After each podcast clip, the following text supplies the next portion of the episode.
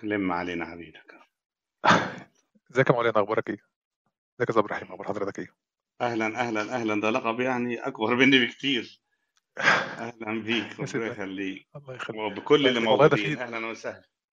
هو في بس ناس كتير ما يعرفوش إن حضرتك روائي أصلا. يعني طبعا مش أغلب الناس بيعرفوا قصة حياة الكاتب يعني ما يعرفش إنه بيبدأ الأول روائي أيوه. وبعدين بيبدأ يتنقل من حاجة لحاجة والناس ما تعرفش فممكن بس حضرتك الأول ناقصة قصة حياته كمان. أنا أصلا كنت بكتب قصة قصيرة من أول ما جيت القاهرة من الصعيد هنا دخلت كلية تجارة خارجية كنت ابتدائي في القاهرة رحلتين يعني ورجعت سوهاج تاني أيوه أنت جيت ثانوي مرتين وتاني مرة كانت ناحية الشيخ الذهبي. هيك.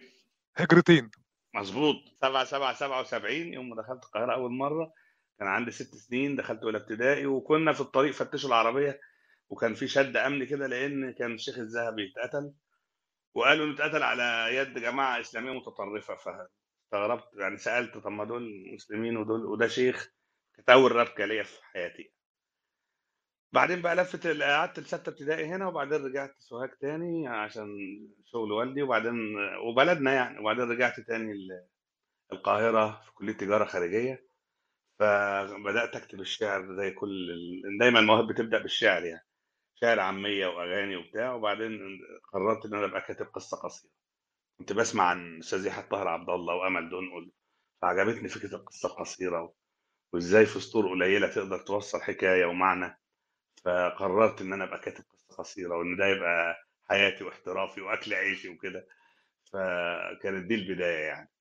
وبعد القصة القصيرة جربت مسرح وجربت رواية بس فضلت القصة القصيرة هي أكتر نوع أدبي أنا بميل إليه يعني ما كنتش اجرؤ أكتب روايات. وبعدين بقى باقي القصة بقى لما دخلت معهد سينما وبتاع وبعدين برجع تاني للأدب بس الأصل الأدب. قراياتي وكتابتي وكل حاجة أنا مدين فيها للأدب بكل أنواعه سواء شعر أو قصة قصيرة أو روايات أو سير ذاتية كل ما يمت الادب بصله ممكن ممكن بس تفكرني بأول عمل روائي لحضرتك؟ تقول لي مثلا أول عمل روائي كان كذا أو أول كذا. عارف عمل كان اشتغلت اسمه. مسرحيات كمان. آه أول عمل كان اسمه المجنونة رحلة إلى الدنمارك وبلاد أخرى. كانت رواية نوفيلا صغيرة وصدرت عن الهيئة المصرية العامة للكتاب وكنت في تانية معهد سينما. كان الكلام ده سنة آه، يعني 99 98 لأن كمان القصص القصيرة اللي كتبتها بخط الإيد كلها ضاعت. اللي في الأول يعني اللي من بدا- من بداية كتابة كتابتي من سنة تقريبا بدأت كتابة أدبية بشكل حقيقي و- ومنظم من سنة 92 فمن سنة 92 لحد سنة 99 كانت ملازم يعني بس كنت بتنقل لأن كنت مغترب من شقة لشقة وكان الكتابه لسه ما فيش لابتوب. بكتب على ورق دشت. فضاع حوالي 300 400 قصة قصيرة.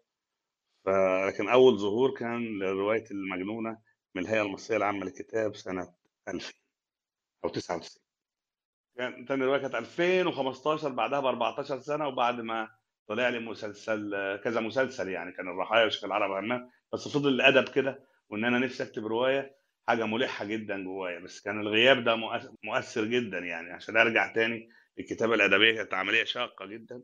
بس استطعت إن أنا أكتب الرواية الثانية اللي هي بواب الحال.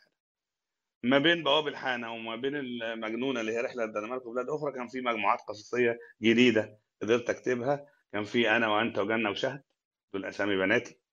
وكان في قصص بحجم القلب مجموعة قصصية. وكان في كتابين في الحكي الصوفي كتاب اسمه ظل ممدود.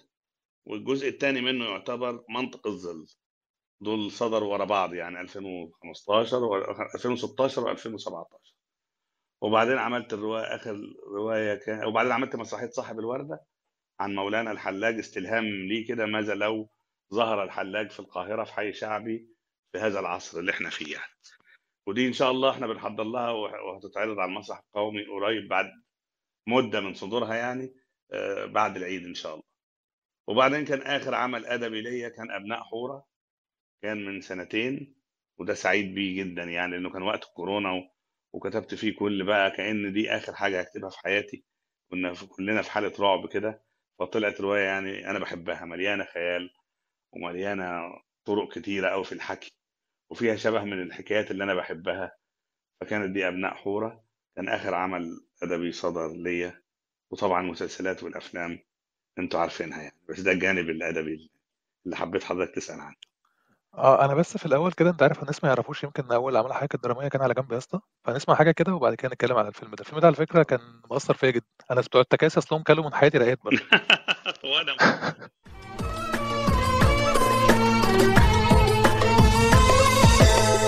بين كلمة فاضي وبين على جنب حكاية حد بيحكيها. ساعات في حسنة وساعات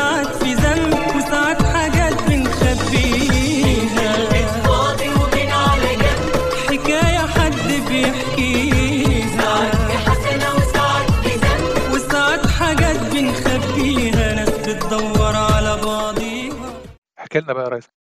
أنا اتخرجت من معهد السينما سنة 2000 كنت قبلها كلية تجارة خارجية وبعدين قعدت سنة ما بعملش أي حاجة لا لا بدرس ولا بشتغل كتابة وقراية بس وبعدين دخلت المعهد 96 واتخرجت منه سنة 2000 وقعدت لحد 2006 ما بعملش أي حاجة. بحاول أشتغل بكتب سيناريوهات بكتب أفلام لكن ما فيش حاجة بتطلع ومش قادر أوصل للباب الصحيح يعني. واتعرفت على الأستاذ سعيد حامد. جات الفرصة وقابلته يعني فقلت له أنا عندي فكرة فيلم. فقال لي إيه؟ قلت له سواق تاكسي الزبون اللي ركب معاه مات في نص السكه دي كان كل ما في دماغي عن الموضوع يعني. قال لي جميل وأنا أعمل الفيلم ده. وبدأنا بقى رحلة على جنب يا اسطى. على جنب يا اسطى كان 2006 ده يعني عز الكوميديا ال farce موجودة في مصر. يعني كان كل الأفلام اللي في وقتها كوميديا حركية والضحك فيها إفيهات يعني تخلي قلبك تتعب من الضحك بقى الكتير. فكان على جنب يا اسطى شوية كوميدي اجتماعي إنساني يعني عن سواق تاكسي. الزباين بتتغير وهو ما بيتغيرش حكاياتهم بيسمعها طول الوقت وما يملكش غير إنه يتقال له فاضي يا اسطى في الأول ويتقال له على جنب يا اسطى في الآخر يعني. وإيه الورطات اللي اتعرض لها والحاجات دي؟ فكان على جنب يا اسطى يعني اللي بدأ بفكرة إن الزبون هيموت في التاكسي. أنا أنا كانت عجباني شخصية آسر ياسين جدا كانت مرسومة حلوة قوي كانت آه ده كان آه، أول حاجة يعملها.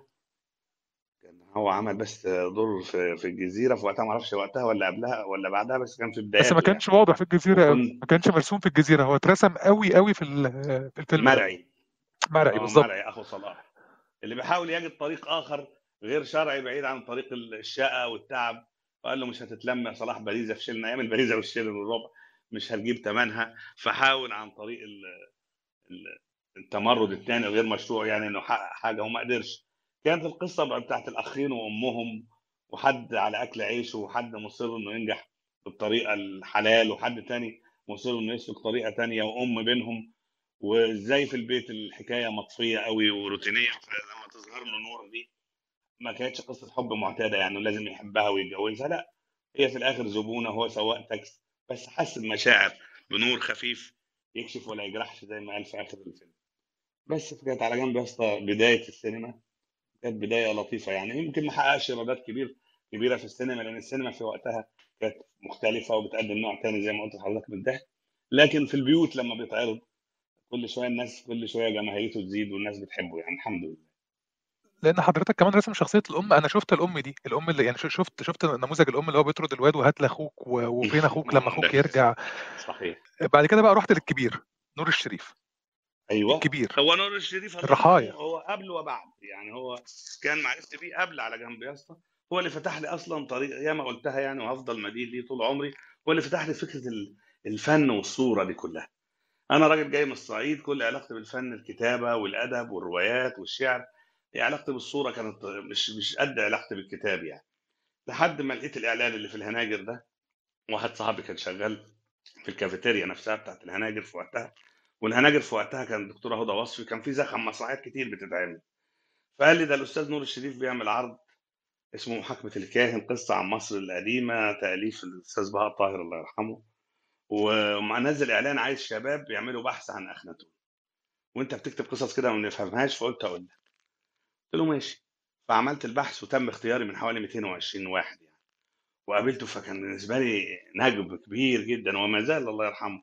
هو اللي ينطبق عليه كلمة الله نجم يرحمه دي كان جميل. وكان جدا متواضع جدا جدا. كان جميل وكان جميل جدا جدا الله يرحمه. ومعطاء وعايز أعلمك طول الوقت. فبدأت بقى الحكاية وإزاي أحول القصة القصيرة لمسرح وبتاع. كله ده عن طريقه ويديني كتب ويقول لي اتفرج على افلام قبل معهد السينما. وأنا لسه طالب في ثالثه تجارة خارجية يعني كان عندي 18 19 سنة. ويديني من مكتبته ويقول لي كملت نجيب محفوظ ولا لأ وبتفكر في إيه وكان حد مهم في حياتي جدا جدا جدا. ويديني ميعاد فاروح ألاقيه بيركب الدقن بتاعت هارون الرشيد والديكورات بتاعت القصر وأشم ريحة البوية اللي بيدهنوا فيها قصر هارون الرشيد وأشوف مدام عبلة كامل وهي بتستعد للمشهد. إيه ده؟ عالم من السحر اتفتح لي في السن ده. خلاني في منتهى الشغف إن أنا لازم أبقى جزء من المهنة دي ولازم أنزل هذا البحر يعني. فسأظل باقي عمري كله مدين للأستاذ نور الشريف. رغم إني ما بعد محاكمة الكاهن اللي كانت سنة يعني مش عارف كام و90 95 96 الع- الرخاء كانت 2007 يعني تخيل معرفة استمرت 12 سنة عشان يطلع أول عمل. ما بينهم مشاريع نص مشروع وتلت مشروع وربع مشروع وبتفكر في إيه وما يتعملش. أنا في في سوريا بصور المصير طب تعالى لي أنا بعمل آه، مسلسل كذا وأفكار أفكار ما تتمش إلى أن يشاء الله ده أنا أبدأ أول مسلسل ليا في حياتي معاه 2007 بعد ما رحلة تعلم ومتابعة آه، استمرت 12 سنة عشان تطلع الرحله الرحاية دي فيها ثلاث أغاني بيقطعوا قلب بس نسمع حاجة كده الأول. يلا بينا. كده مع الدكتور يحيى الفخراني في حوالي خمس أعمال بدأوا بشيخ نعم. العرب همام نعم. وبعد كده آه ونوس وفي آه دهشه يعني قبل في في والنوس شيخ العرب الخواجة دهشة والنوس نجيب زي زركس آه بس هي شيخ العرب همام كان فيها حدوتة كبيرة حدوتة نعم. كبيرة أوي أوي أوي. نعم. طيب برضه هنسمع منها حاجة كده عشان خاطر الأستاذة برديس يلا أصلا يعني إحنا جايب إيه؟ آه اتفضل. عشان ابري ذمتي هتحمي أرضك ولا هتبقى نعي أنهي أرض؟ ما أنا أرضي في الأمان. أرضك كلها؟ أيوة كلها. حتى برديت فرديس مش أنت رهنتها. بس أرضك؟ وأنا لغيت رهنية خلاص. يعني إيه؟ يعني أرض في التزام عيسى الهواري زي ما هي. وأنا عايزك تروح هناك وتوقف فيه. أروح فين؟ برديس. سامعك تجري ولا إيه؟ أيوة بس دي عليها نزاع دلوك وخطر. ده صباع إسماعيل لسه طاير وأنت ربنا نجاك خطر على اللي قلبك خفيف بس. أنا لما أقول لك أرضنا تبقى أرضنا مفيش نزاع. إحنا أصحاب حق ها؟ هتروح برديس وتحميها زي الرجالة ولا شيء حد غيرك؟ يحيى الهواري والد عمك مثلا وهتبقى بتاعته. ها. هتخيرني بين الشنق والذبح يا شيخ العرب ليه ما كله في الرقبة؟ جاوبني زي الناس انت رسمت شخصية الصعيدي اللي هو ال ideal النموذجي. الصعيدي اللي هو ما بيخافش ما بيتكلمش بينور وبيطير اللي هو اللي فيه كل الحاجات ال full option ده. هقول لك ليه. لاني أنا في الرحايا خلاص اتكلمت عن حتة مني وعن حاجة تخصني. لكن في شيخ العرب همام فكره الهويه والاصل دي كانت فكره مهمه جدا جدا. أولا شيخ العرب همام المصادر بتاعته قليلة قوي ست أربع خمس ست سطور في الجبارتي. كتاب. سطر... صفحتين ثلاثة اتكلم عنهم الدكتور لويس عوض وكتاب صغير فالمصادر شبه معدومة يعني. لكن اللي شغل بالي قوي فكرة الأصل دي والهوية إن أنا أي حد مصري أو أو عربي أو كده يقدر يقول أنا فلان ابن فلان ابن فلان ابن فلان لحد سابع جد لحد سيدنا آدم لما قال شيخ العرب. بينما هذا المملوك اللي بيحكم بالحديد والنار والظلم أصلا ما يعرفش أصله ما يعرفش هو جاي منين ما يعرفش مين أبوه ما يعرفش مين جده. وهو اللي بيملك وهو اللي بيحكم وهو اللي بيؤمر وكمان الدراما في السبعينات والثمانينات أول ما ظهرت يعني كانت ظالمة جدا للصعايدة. تظهرهم يعني إما مسار للضحك يا إما عصبيين طول الوقت يا إما ماسكين بنادقهم على كتافهم عايزين يموتوا أي حد. فطول الوقت الصعيد مهمش فنيا ومهمش اقتصاديا يعني عنده أزمة حقيقية يعني الناس مش فاهماه قوي لأنه بعيد ومعلوماتهم عنه معلومات مغلوطة. فشوية نقل الصعيد بشكل صادق ده كان مهم يعني. الحقيقة بداوا طيب الأستاذ محمد صفاء عامر يعني من ذئاب طبعا. الجبل بدأت الناس تعرف أصل الصعيد أكتر. وتقرب منه فاحنا مدينين ليه في الكتاب عن الصعيد إن هو اللي قرب الناس من من فكرة الصعيد الحقيقي. نخش بقى على الخواجة عبد القادر. الخواجة عبد القادر طول الوقت الشخصية غريبة. أنا عارف إن حضرتك قلت إن هي شخصية تاريخية حقيقية واتكلمت عليه على على إن هو كان أسلم على إيد شيخ سوداني و... بس هي الحدوتة جميلة أوي. فحضرتك ممكن تحكيها الأول؟ اتفضل. هي قصة حب. أصل خواجه عبد القادر ده هو توفيق من ربنا. أنا حاسس إن أنا بهذا المسلسل يعني وص... حققت أحد وصايا أبويا الله يرحمه. وقدرت أوصل جزء كبير جدا من قلبه للناس. فأنا من المحظوظين إن ربنا أراد إن النص ده يظهر للجمهور بهذا الشكل. لأن أنا من عندي 10 سنين و11 سنة والدي طول. الوقت بيحكي لي الله يخليك عن الخواجة عبد القادر اللي هو عصره. هو والدي كان عنده 10 سنين في الخمس في الخمسينات أو الأربعينات. وكان الخواجة ده ألماني ما كانش إنجليزي زي ما إحنا حكينا لأنه الألماني كان هيغرب شوية. الناس يعني الإنجليزي شوية قريب. وجه وكان دايما بيحب كمال الصغير ده وهو والدي اللي كان شاهد عليه. شوفوا وقت وهو بيصلي إزاي؟ يخلي الدنيا كلها أبيض فابيض كده ويقعد يصلي كتير جدا جدا جدا. يجوا الأطفال الصغيرين يستغفلوا ويقولوا له الجدي زعلان يا خواجة. يقول لهم ليه؟ يقولوا له عشان جعان. يقول لهم طب ما تأكلوه. يقولوا له لا أصل ده ما بياكلش إلا فلوس. فيدوهم ريال فضة ويحطوه في بق الجدي ويجروا كأنهم ضحكوا عليه وهو مبسوط. الأهل البلد كانوا بيتعاملوا عنه كساذج يعني. وفضل هذا الرجل ثلاث سنين والدي كان من سن 9 ل 12 سنة كان بيكلمني عنه ان ده أحلى حد شافه في حياته. وساب البلد ومشي. فضلت الحكاية دي والدي يحكيها وأنا نفسي حكايته دي تتحكي. أكتبها برضو قصة قصيرة أكتبها نص رواية أعرضها على نجوم كتار وقتها. كله خاف وكله رفض واللي قال ده بتاع مهرجانات. واللي قال لي ده شائك لأنه بيتكلم في الدين وأنا مصر من جوايا إن أنا بتكلم عن قصة حب. في النهاية هذا الخواجة عبد القادر ده قصة حب.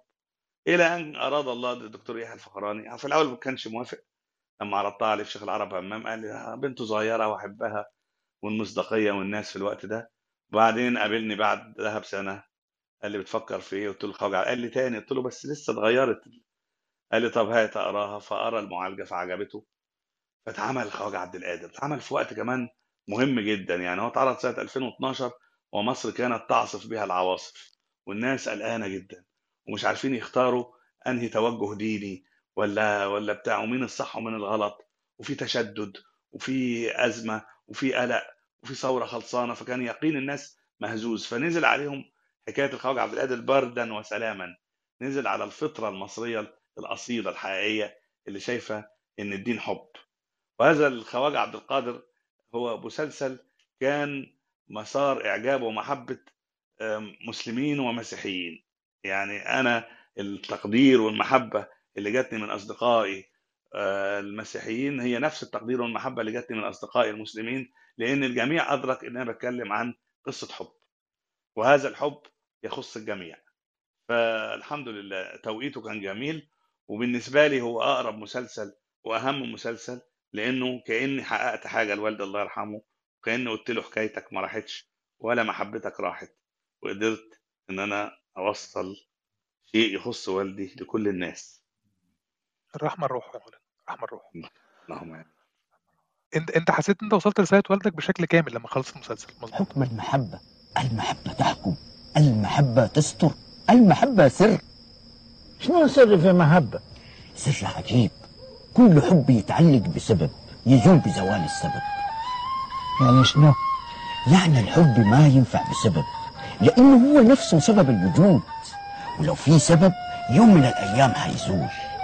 الحبيب حبيب ما عشان كريم ولا جميل ولا لطيف حبيب وبس حتى لو منع أو بعد. فالله أنا يفهم كلام دي الجملة دي بالمسلسل كله الحوار ده الديالوج ده في جمل عظيمة في المسلسل الحمد لله لا والله في. جمل عظيمة جدا عن المحبة والحب هو أنا فاهم إن حضرتك بيبقى عندك مخزون حاجات وبتقولها بس جمل زي دي بتيجي يعني اللي إحنا سمعناه ده جه إزاي يعني جت إزاي وأنت بتقولها فانا عارف إن أنت يعني مثلا أحمد كان بي- كان عندنا أصدقاء وهو بيكتب بيقول بيتكلم مع أيوة. نفسه حتى الناس تفتكر إن هو مجنون آه أنا بقول مثلا بقول وأنا بكتب بقعد أقول الكلام عشان أشوف هو بيتوزن إزاي بس الجملة لا هي حاجة فوق عارف. الهواله شوية هو أنت بتبقى متوحد آه الله يفتح يعني. عليك الله آه يفتح يعني أنت بتبقى متوحد قوي يعني أنا أنا ما ما في مشهد كتبته وعيطت فيه مثلا من كتر الانفعال إلا وجو- ولاحظت إن ناس كتيرة وهي بتتفرج عينيها دمعت. وما في مشهد مثلا ضحكت فيه إلا والناس ضحكت. لازم أبقى أنا أنا اللي بيك يعني الشخصية أبقى جوه روحها. وده يبقى توفيق كبير من ربنا. لازم أبقى سرحان فيها ومستغرق بالشكل الكامل و- وإلا يبقى هبقى كذاب. هو اللي بيتكلم هو اللي بيتكلم. فلازم يبقى مشاعره كلها تنطبق على هذا الشخص في هذه اللحظة. وإلا هبقى بألف. هو المفروض إن المؤلف ما يألفش. يعني هو أعلى درجات التأليف إنك ما تألفش. إنك تبقى متوحد مع هذه الشخصية سواء شريرة أو مش إنهم يبقوا شبهك. أنت تبقى هم مش هم يبقوا أنت. لو هم بقوا أنت يبقى صحيح. كارثة. لكن صح، انت تبقى هم. يبقى عظيم. ففضل ربنا إنك أنت تبقى الشخصيات وتتوحد معها. أشرار تشر طيبين تبقى طيب. تطلع كل مخزونك عليهم. لأن كمان إحنا مش واحد. مفيش يعني عظمة الإنسان إنه مش مخلوق واحد إنه مش مش سين من الناس كده لأ سين من الناس ده جواه كل الناس. سواء بقى كاتب أو مش كاتب أي حد في الدنيا جواه كل الناس فيقدر يستحضرهم ويقدر يمثلهم ويقدر يكتبهم لو أراد لو صافي قوي بس الجميل إنك أنت تبقى هم مش هم يبقوا أنت. هم يبقى انت يبقى عمل فقير جدا وتبقى الشخصيات كلها بتتكلم بلسان واحد والميكانيكي بيتكلم زي دكتور الجامعة مع احترامنا للجميع. فيبقى انت خسرت كل حاجة تبقى بتالف بقى.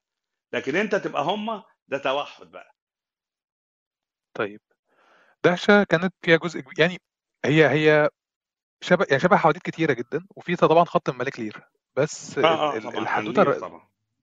عن لير. آه، الحدوتة كانت مش مكتوبة حلوة يعني وفي الآخر اللي هو يعني في مشهد كده اللي هو بتاع النهاية ده لما الراجل بيقول له بناتك دول بنات كلب. فهو بيرد لما اتجنن في يعني المشهد ده كان. كان عيطت فيه وانت بتكتبه طبعا. أيوه اللي آه، أيوه أيوه أيوه.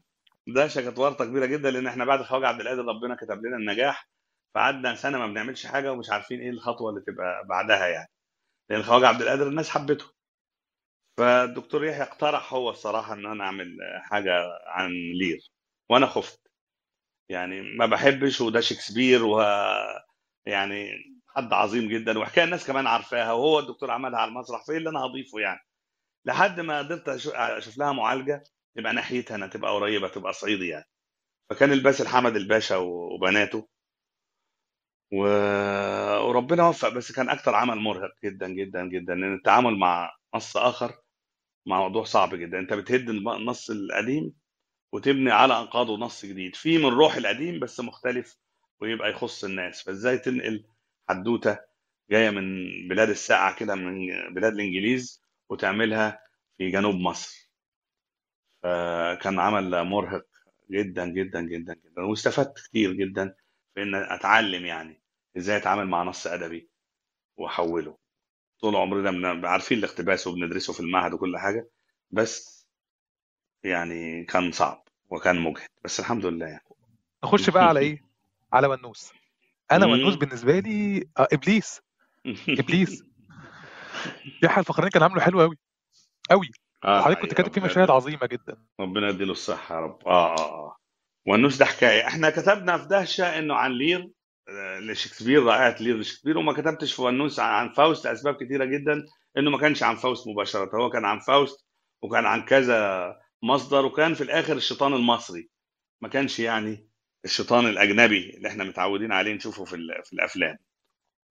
بس ده اتكتب ثلاث مرات بقى. يعني ثلاث مرات بقصص غير بعض خالص. مرة كان كوميدي جدا ومرة كده كان آه، وكان أصلا ال- البطل هو آه، ياقوت. هو اللي هو أستاذ نبيل آه، حلفاوي. يعني كانت شخصية الإنسان هي البطل وكان هو اللي يعمله الدكتور يحيى. وكان الشيطان هو الهامشي. وبعدين غيرنا القصة. ها ها لحد ما وصلنا لونوس. في مشهد أنا فاكره كويس قوي وإحنا بنتكلم دلوقتي لما هو كان راح قال له إن هو قابل الشيطان. وقال له مم. إيدك إيدك إيدك ابوسها مولانا؟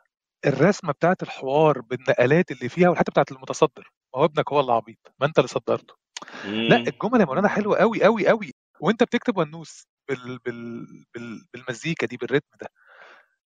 ما خفتش ما خفتش حتى من من رد الفعل ما خفتش إن الشيطان يتمثل يعني من أول يوسف بيه وهبي حتى وقبل كده وأقدم من كده وحاجات ورايحة وجاية. إن الناس تشوف آه. الشيطان لا والله ما خفتش اصل انت كنت بتقدم الشيطان من وجهة نظرك ويستحيل يعني وجهة النظر يبقى في وجهة النظر زي بعض. إحنا عاملين زي البصمات كده. لو حاجة حقيقية يعني فانت هتقول حقيقة الشيطان بالنسبة لك انت انت شايفه إزاي؟ فمستحيل الشيطان بالنسبة لك انت زي الشيطان بالنسبة لي أنا. فده اللي بيطمني. أنا بكتب ما اعتقده وما اتخيله. وفي حد تاني كتب ما يعتقده وما يتخيله في نفس الموضوع مش مشكلة. فأكيد الشيطان اللي هو يوسف بيه وهبي على عظمته لن يكون زي الشيطان اللي عمل الدكتور يحيى ولا ولا الشياطين اللي هتتكتب بعد كده. هو الشيطان دائم التلوين ودائم الإلهام وشخصية يعني مرعبة. مفيش حد ما يتمناش إنه يكتب عنها. لأنك أنت بتكتب كمان عن شخصية ما لهاش مواصفات معتادة. يعني أي كاتب يقدر يتخيل حد إنه طويل إنه رفيع إنه حقود إنه طموح إنه إنه متجوز إنه عازب الصفات اللي علموها لنا دي الثلاثه الاجتماعية وال- والجسدية وال- والنفسية. طب إيه الشيطان؟ تحدي حلو. إيه نوعه؟ راجل ولا ست؟ طماع ولا مش طماع؟ متجوز ولا مش متجوز؟ قصير ولا طويل؟ كل الحاجات دي بتساعد الكاتب على إنه يتخيل لا هنا كل ده مش موجود. أنت بتجسد نفس. نفس لا تخلو من عذاب برضه هل الشيطان مبسوط؟ انت لما تقرب كده من هل مهنته دي عاجباه؟ طب بيزهق؟ طب عايز يمشي؟ طب عايز يستقيل؟ طب هل هو مستمتع؟ طب الزباين بيتغيروا؟ حلوة لعبة مثيرة جدا. إنك بتتكلم بت- ككاتب بتتعامل مع عناصر غير معتادة ومش ثابتة ومش مستقرة. فده بيزيق بيزود التحدي. طب اتقال قبل كده طب الأجانب اتكلموا عنه إزاي؟ طب المصريين اللي قبل كده القدام الجداد الكتب وصفته إزاي؟ طب هو مخيف ولا لطيف؟ هل هو كده في كائن كده اسمه الشيطان ولا كل واحد جوانا يحمل شيطانه داخله أشياء كثيرة جدا. نجيب زاهي شركس. حاجة تانية زركش. خالص. زركش. أنت إزاي نقلت النقلة دي بقى يا ريس؟ والله الحمد لله. أنت طول الوقت بتهرب من من إنك تبقى في قالب واحد. وبتهرب انك تتكلم عن موضوع قد ما تقدر يعني. لأن دايما الأسهل إنك أنت تتكلم في المواضيع اللي أنت شاطر فيها أو حافظها. وبعدين التصنيفات كمان ساعات بتبقى تحدي. أصل ده صعيدي فبيكتب صعيدي حلو ده العادي بتاعه فأنت تحاول تكتب حاجة بعيدة عن الصعيد. أصله متصوف وبتاع فتكتب عن الشياطين. فأنت بتحاول في الفترة اللي أنت بتعيشها الأيام والسنين اللي ربنا بيمنحها لك إنك أنت تتنوع قد ما تقدر وإنك تتكلم عن عوالم متعددة. في إطار رؤيتك برضه في إطار ما تحب. لكن كل ما تجدد وكل ما ده هو التحدي الحقيقي. فالسبق بيبقى بينك وبين أفكارك وبينك وبين ما اعتدت عليه وبينك وبين تكرار نفسك هو ده اللي بتحاول تنجو منه يعني. ده الفخ على رايي. أو أنا نسيت أتكلم على شباب أونلاين في الأول على فكرة خالص معلش. سقطت مني خالص حقك آه عليا آه دي كانت دي كانت سيت كوم وكانت تجربة كانت بداية كده. كنت بدور على شغل فقالوا هيعملوا حاجة اسمها سيت كوم أول مرة كان بيعملوها في مصر. فبدأنا نعمل سيت كوم كانت مجموعة لطيفة يعني. كان أحمد الفيشاوي وكانت بشرى شريف حمدي. مجموعة كده ب... اللي هو السيت كوم إنه يبقى كله في في في مكان واحد. وبتحصل لهم مواقف كوميدية من يوم ليوم يعني. فكنا مجموعة. وكانت أول مرة وآخر مرة أشترك فيها مع مجموعة. بس النوع ده من الكتابه ينفع يتكتب بشكل مجموعات. لأنه اقرب لليوميات. ومواقف كوميدية بتبقى متقسمة وكل واحد بيبقى عامل شخصية. بس كان هو بداية السيت كوم في مصر يعني أظن يعني. وكان شغل بقى قبل ما أبدأ يعني أعمل حاجات تخصني. وبعد كده حضرتك كان في آه، بعد كده مع عمرو سعد يونس ولد فضه ده مظبوط فيها أغنية بتاعت بحبك يا صاحبي دي كانت خاربه الدنيا ساعتها آه خالص. أيوه أيوه أحمد سعد. لا والمسلسل ده كمان كان مسلسل صعيدي بيتكلم عن الصعيد دلوقتي. يعني صعيد المدن. رغم آه رغم الحدوته فيها غموض وفيها حد بيتاخد من عيلة لعيلة تانية وبتاع لكن في وقت الإنترنت وفي وقت الموبايلات الصعايده بتوع دلوقتي يعني. فكان مسلسل جميل بالنسبة لي يعني بحبه. كان تجربة حلوة لأنه كان مقرب من شباب الصعيد يعني. طيب هو هيليوس جاهز؟ مشهد الصلاه نسمعه بس عشان الراجل جهزه فنسمعه الأول. أنت عرفت القبلة على طول. أنت بتصلي من ورايا يا طريف؟ عرفت بقى. إنك اناني ولئيم. أنا أنا بصلي ساعات بس. ماشي. يا ماشي. الله أكبر الله أكبر. أشهد أن لا إله إلا الله محمد رسول الله. استنى استنى. هنصلي زي الخمرة اللي ورانا دي. آه صحيح. طب أشيل الأزاز وأطلعها بره. ما ينفعش. هتشيل خمرة وأنت بتوضي حرام. آه، صح. نصلي بره يلا يلا.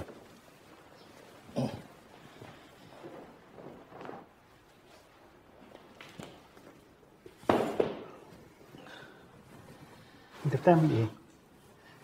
حضرتك هتبقى الامام لا أنا عايز اصلي لوحدي شوف لك انت حتة بعيده كده صلي فيه ما هي الصلاه ما فيهاش بيه وخدام بقى يا سيدي أنا عايز اصلي لوحدي أنا حر الله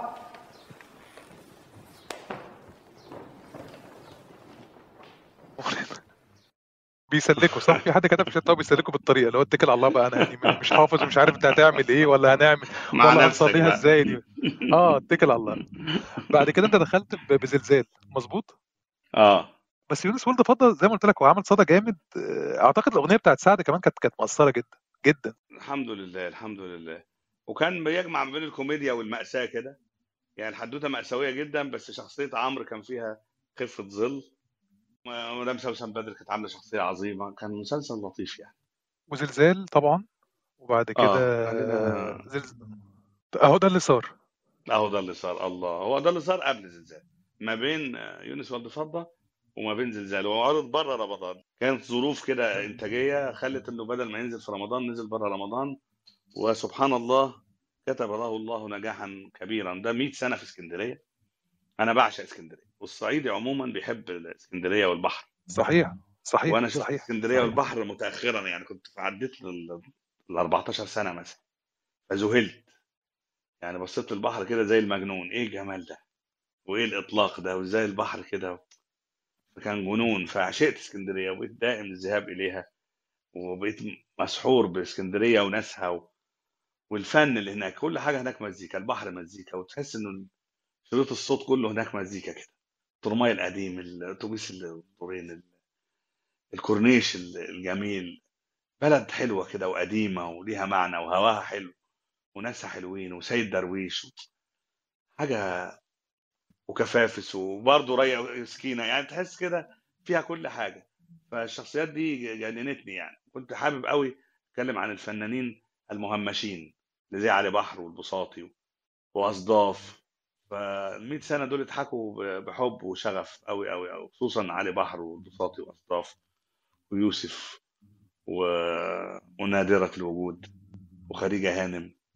إزاي تحكي برضه 100 سنة في 20 ساعة أو في 30 حلقة مع مخرج قدير زي حاتم علي رحمة الله عليه وفنانين كبار برضه. فكانت منحة من ربنا. أنا بحب هدى صار جدا جدا جدا. باغاني اللي أنا كتبتها أنا كاتب الأغاني اللي اللي فيها. بالاوبريتات اللي موجودة باستلهام لروح العصر بالمفردة اللي في الوقت ده. بيتكلموا إزاي بيغنوا إزاي بيحبوا إزاي. كان تحية لإسكندرية كده تحية لحتة مهمة وعزيزة على قلبي. فهو ده اللي صار ده كان حاجة جميلة قوي بالنسبة لي كتجربة اسمع يعني. ست روبي اسمع ست روبي وهي بتغني هو ده اللي صار؟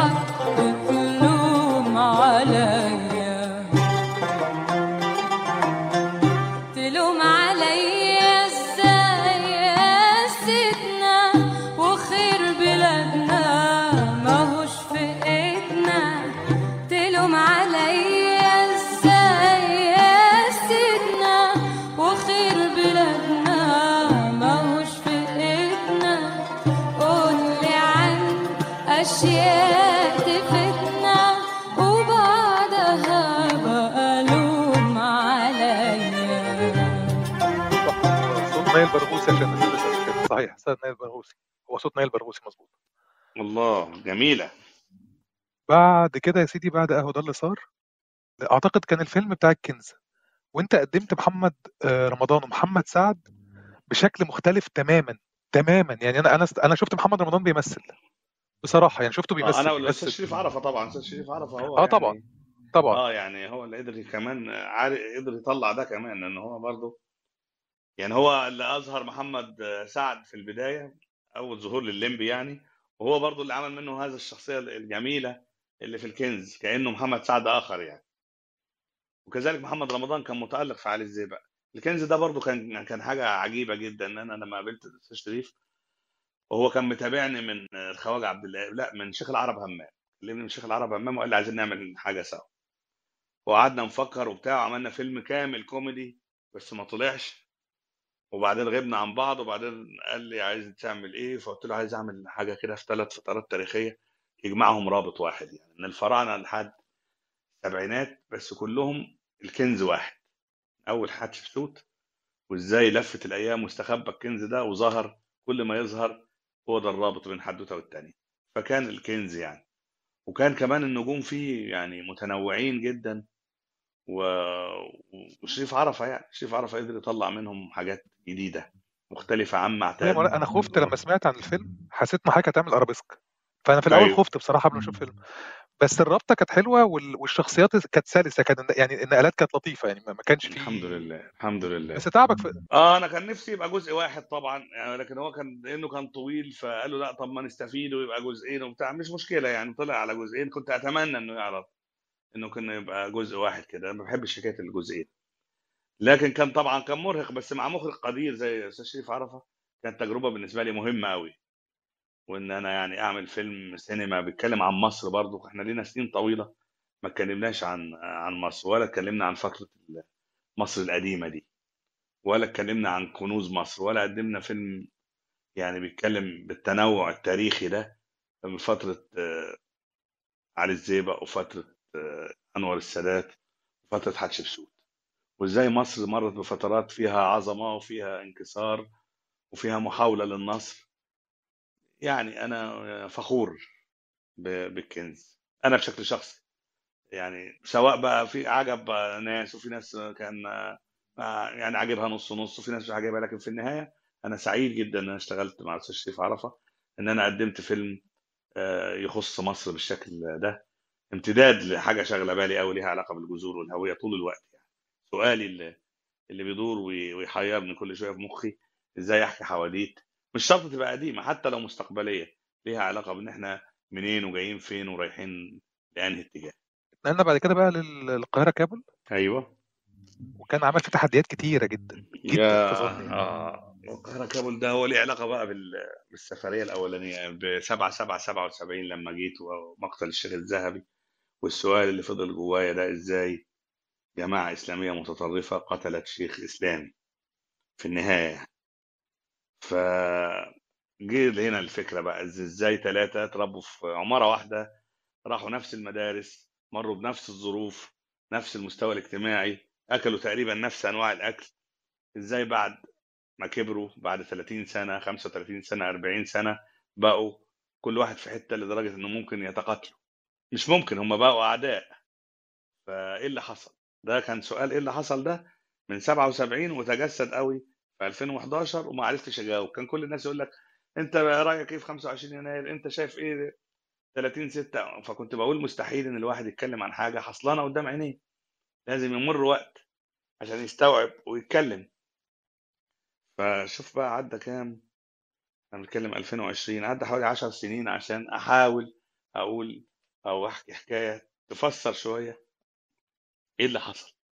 ليه إحنا كلنا كنا في بيت واحد وبقى في آراء متباينة تصل إلى درجة العداء؟ فليه رمزي يبقى متطرف وإرهابي؟ وليه التاني يبقى إعلامي؟ آه، يعني بيبيع المعلومة ويشتريها؟ هو ده معياره ومصلحته ال- الأساسية يعني. واحد يبقى في الأمن الوطني إيه التباين؟ والرابع يبقى فنان مخرج. كل واحد فيهم شايف مستقبله ووطنه. وحكايته ودينه ووجهة نظره بشكل مختلف عن التاني. مرة يتقاربوا ومرة يتباعدوا وممكن يتناحروا ويتحاربوا. هي دي هي دي. إزاي الأربع أصدقاء مع مرور الزمن صاروا هكذا في القاهرة كابول؟ إيه المسافة المقطوعة من القاهرة إلى كابول؟ مش بالكيلومترات بالمشاعر والت- والتغيير يعني.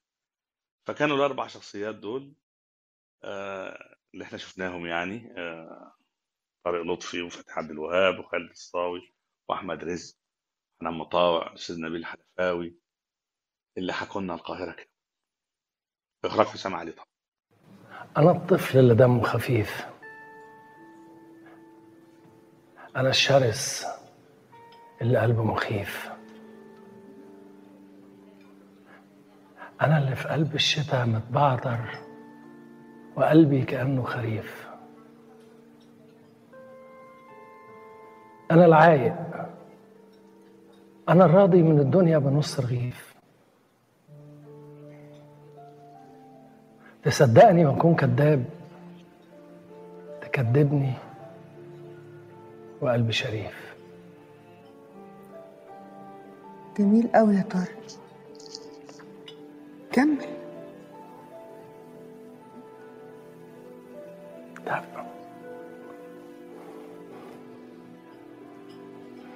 مش مهم. مش مهم. ونخش بعد كده بعد القاهرة كابول لجزيرة غمام مظبوط؟ جزيرة غمام ده عمل قلق جامد جدا جدا آه. الحمد لله. جدا. الحمد لله الحمد لله. جزيرة غمام ده كنت داخل بمسلسل تاني أصلا. داخل مسلسل تاني وكاتب منه ثلاث حلقات وخلاص واتفقنا و... وفي مخرج وفي ناس بيحصل ترشيح وبتاع. وبعدين قررت قلت لهم مش هعمل المسلسل ده مش عاجبني وبعتذر السنة دي ومش داخل. فقالوا طب ليه؟ قلت لهم حاسس مقرر يعني وهعمل حاجة تانية. حاجة تانية إيه؟ مفيش وقت وإمتى وبتاع. فكان عندي ثلاث أربع ورقات كده مكتوب فيهم جزيرة غمام. كان فيهم ملخص القصة. فقالوا لي إزاي؟ ده في ثلاث حلقات والوقت بيجري. فقلت لهم إدوني أسبوع. فكتبت في الأسبوع- في الأسبوع ده أول حلقتين من جزيرة غمام. كان حلم حلما قديما يعني. إيه إزاي برضو قرية آمنة على البحر الناس فيها كلها في في حياتها المعتادة فجأة يتغير كل شيء.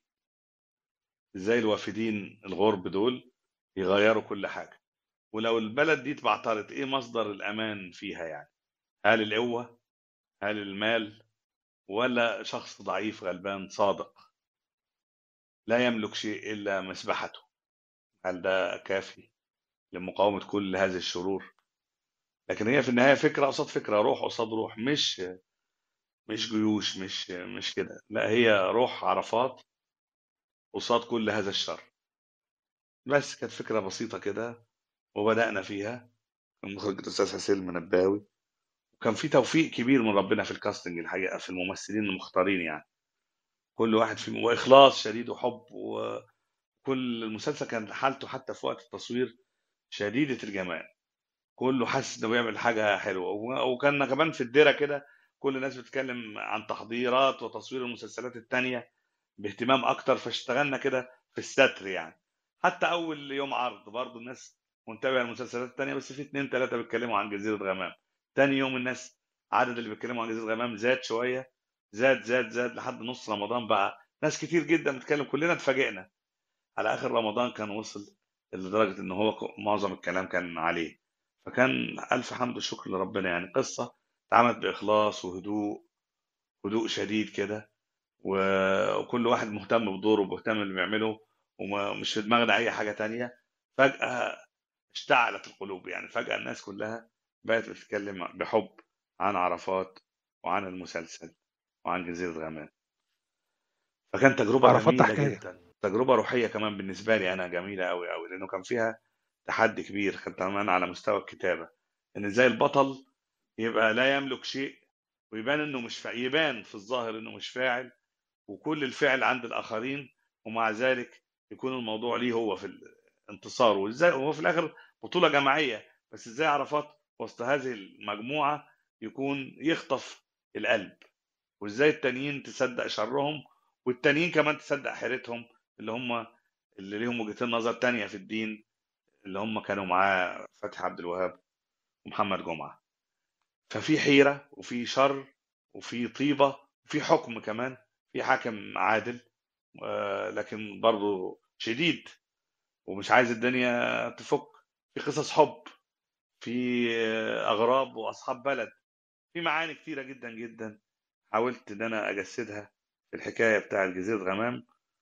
كنت شايف إن يعني إن المسلسل مش جماهيري الحقيقة. أنا بكتب حاجة فيها خصوصية ممكن تعجب مجموعة ومع الوقت يعني المجموعة دي ممكن يبقى عددها كبير وإن براهن على الزمن إن مع الوقت القصة دي ممكن يلتفت إليها البعض. لكن أنا فوجئت والمخرج والمنتج والممثلين وكل الناس إيه ده؟ هي الناس بتحب المسلسل للدرجة دي؟ هو هو رسا- رسايله واصلة للدرجة دي؟ فكانت من المفاجآت السارة والعجيبة واللي أعادت ثقتي بالجمهور. الجمهور طول الوقت بي... يعني طلعت موضة كده أصل هو الجمهور عايز كده. أصل هو الجمهور يحب ال... الابتذال. أصل هو الجمهور يحب ال... إن الشخصيات تبقى عاملة تبقى فجة. أصل يحب الستات تظهر بشكل معين والرجالة تظهر بشكل معين. أصل هو عايز طول الوقت بلطجة وست بتردح أو كده. يعني كل الافتراضات عن الجمهور ورخص الجمهور وكل ده باطلة تماما. الجمهور راقي. جمهور عظيم. جمهور إحنا نحاول نطلع له مش نحاول ننزل له زي المقولة الساذجة اللي بتتقال. ليه نحاول نطلع له؟ هو مش جمهور كله مثقف ولا حاجة ولا جمهور على درجة عالية من العلم والتحضر. لا لكن هو جمهور قديم. جمهور عمره 7000 سنة. جمهور ذائقته عظيمة. جمهور عقله الجمعي ووعيه فوق الخيال. جمهور كان يم يعني كان يملك حضارة من 7000 سنة ولا 6000 سنة كان هي اللي بتحكم معظم أرجاء العالم القديم. الطفل الصغير في مصر عنده خمس سنين حط عليهم 3000 أو 4000 سنة. فتلاقيه مدهش. فالجمهور ده لازم نتعامل معاه باحترام وبوعي وحذر.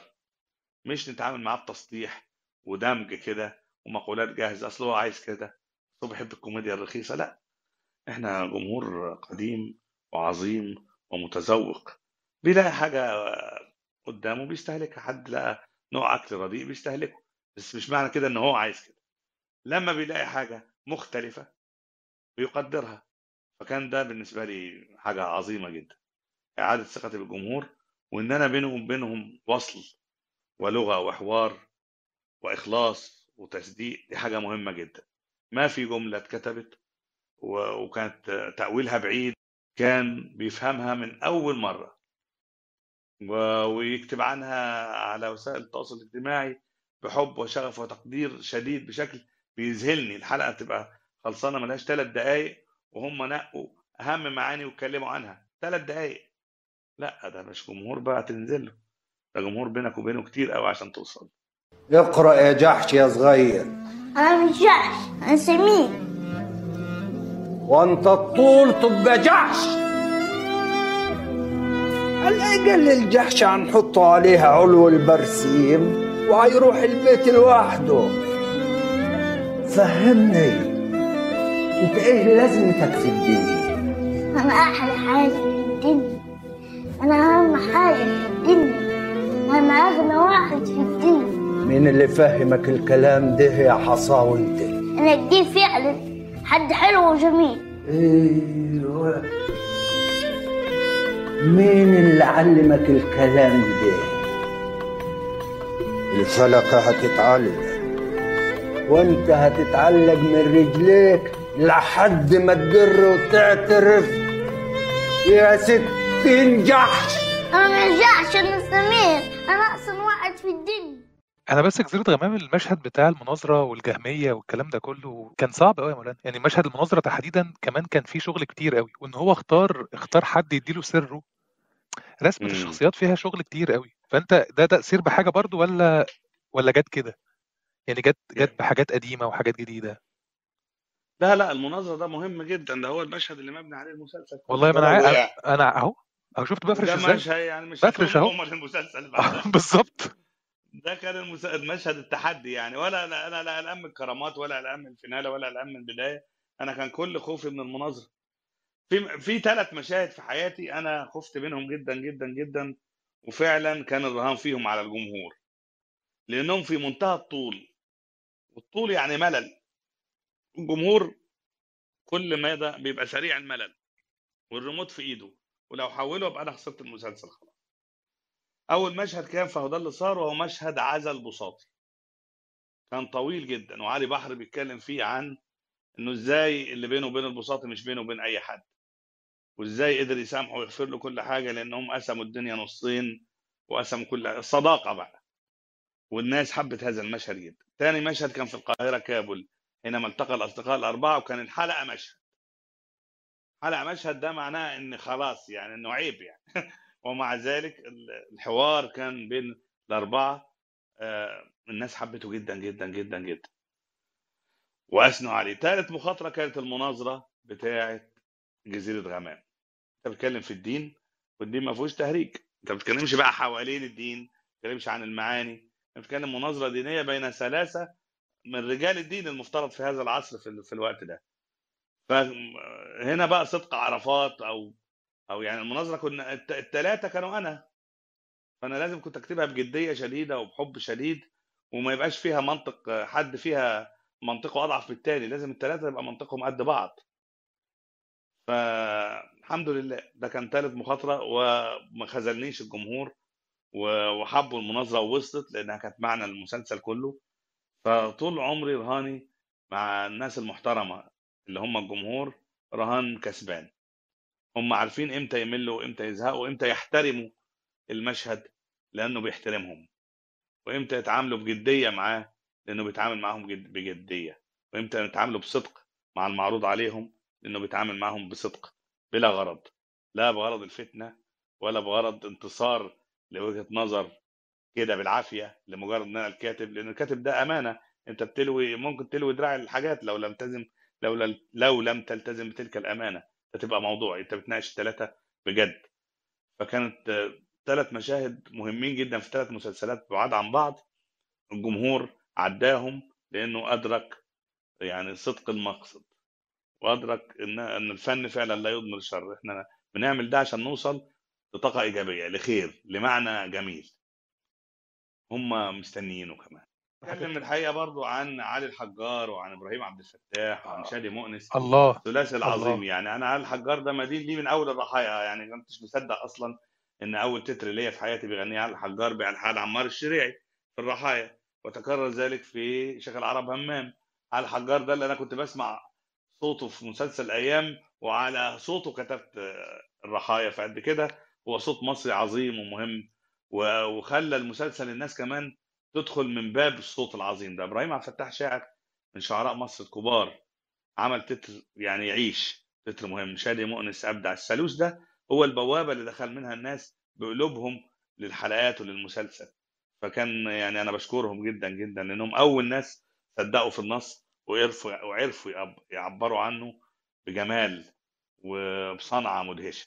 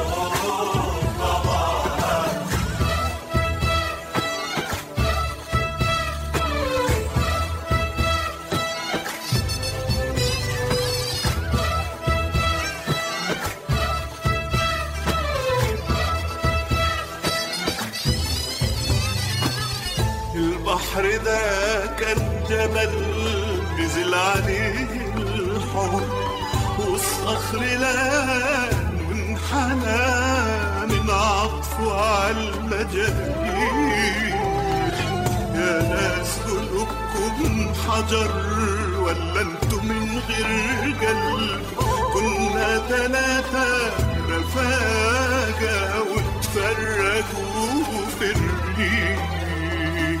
وحداني بيت الخلا والقلب ملهوش حد. غيرك حبيبتي اللي وحدك ساكنة في حواشيك لا سكوى عندي حوش عني لظى أو برد ولا عندي باب توحشوه لقيت إيديك يا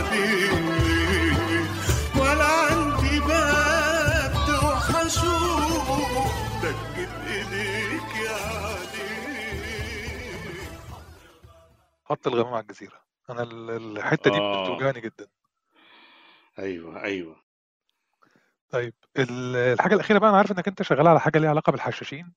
أيوه وأنا حسن أيوه. الصباح يعني أنا أنا حسن الصباح بالنسبة لي ده كاركتر صعب قوي قوي آه طبعا تبقى آه يعني طبعا ف آه طبعا. طب احكي لنا هو ريس. حلم حلموا به الكثيرين والله غيري حتى قبلي وكتير جدا إنهم يتناولوا القص- القصة دي. هي قصة شائكة. وقصة رهيبة. يعني مش عايز أحكي عنها كتير لأن هو المفروض كانت تتعرض رمضان ده بس تم تأجيله فيبقى رمضان 24 كان في عمر إن شاء الله. الديكورات جاهزة وهنبدأ تصوير بعد رمضان على طول يعني.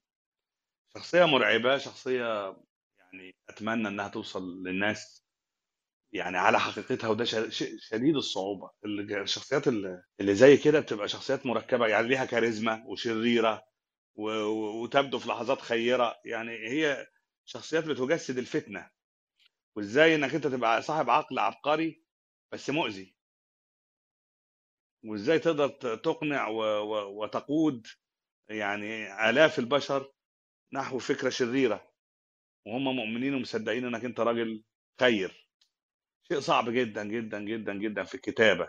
لأن كمان بيبقى أنت مش عايز الناس تقع في غرامه ومش عايز الناس آه، تاخد رأي مسبق ومش عايز الناس تعادي الشخصية مجانا أنت عايز الناس تتفرج بقى وتشوف النفس البشرية المعقدة بكل تجلياتها.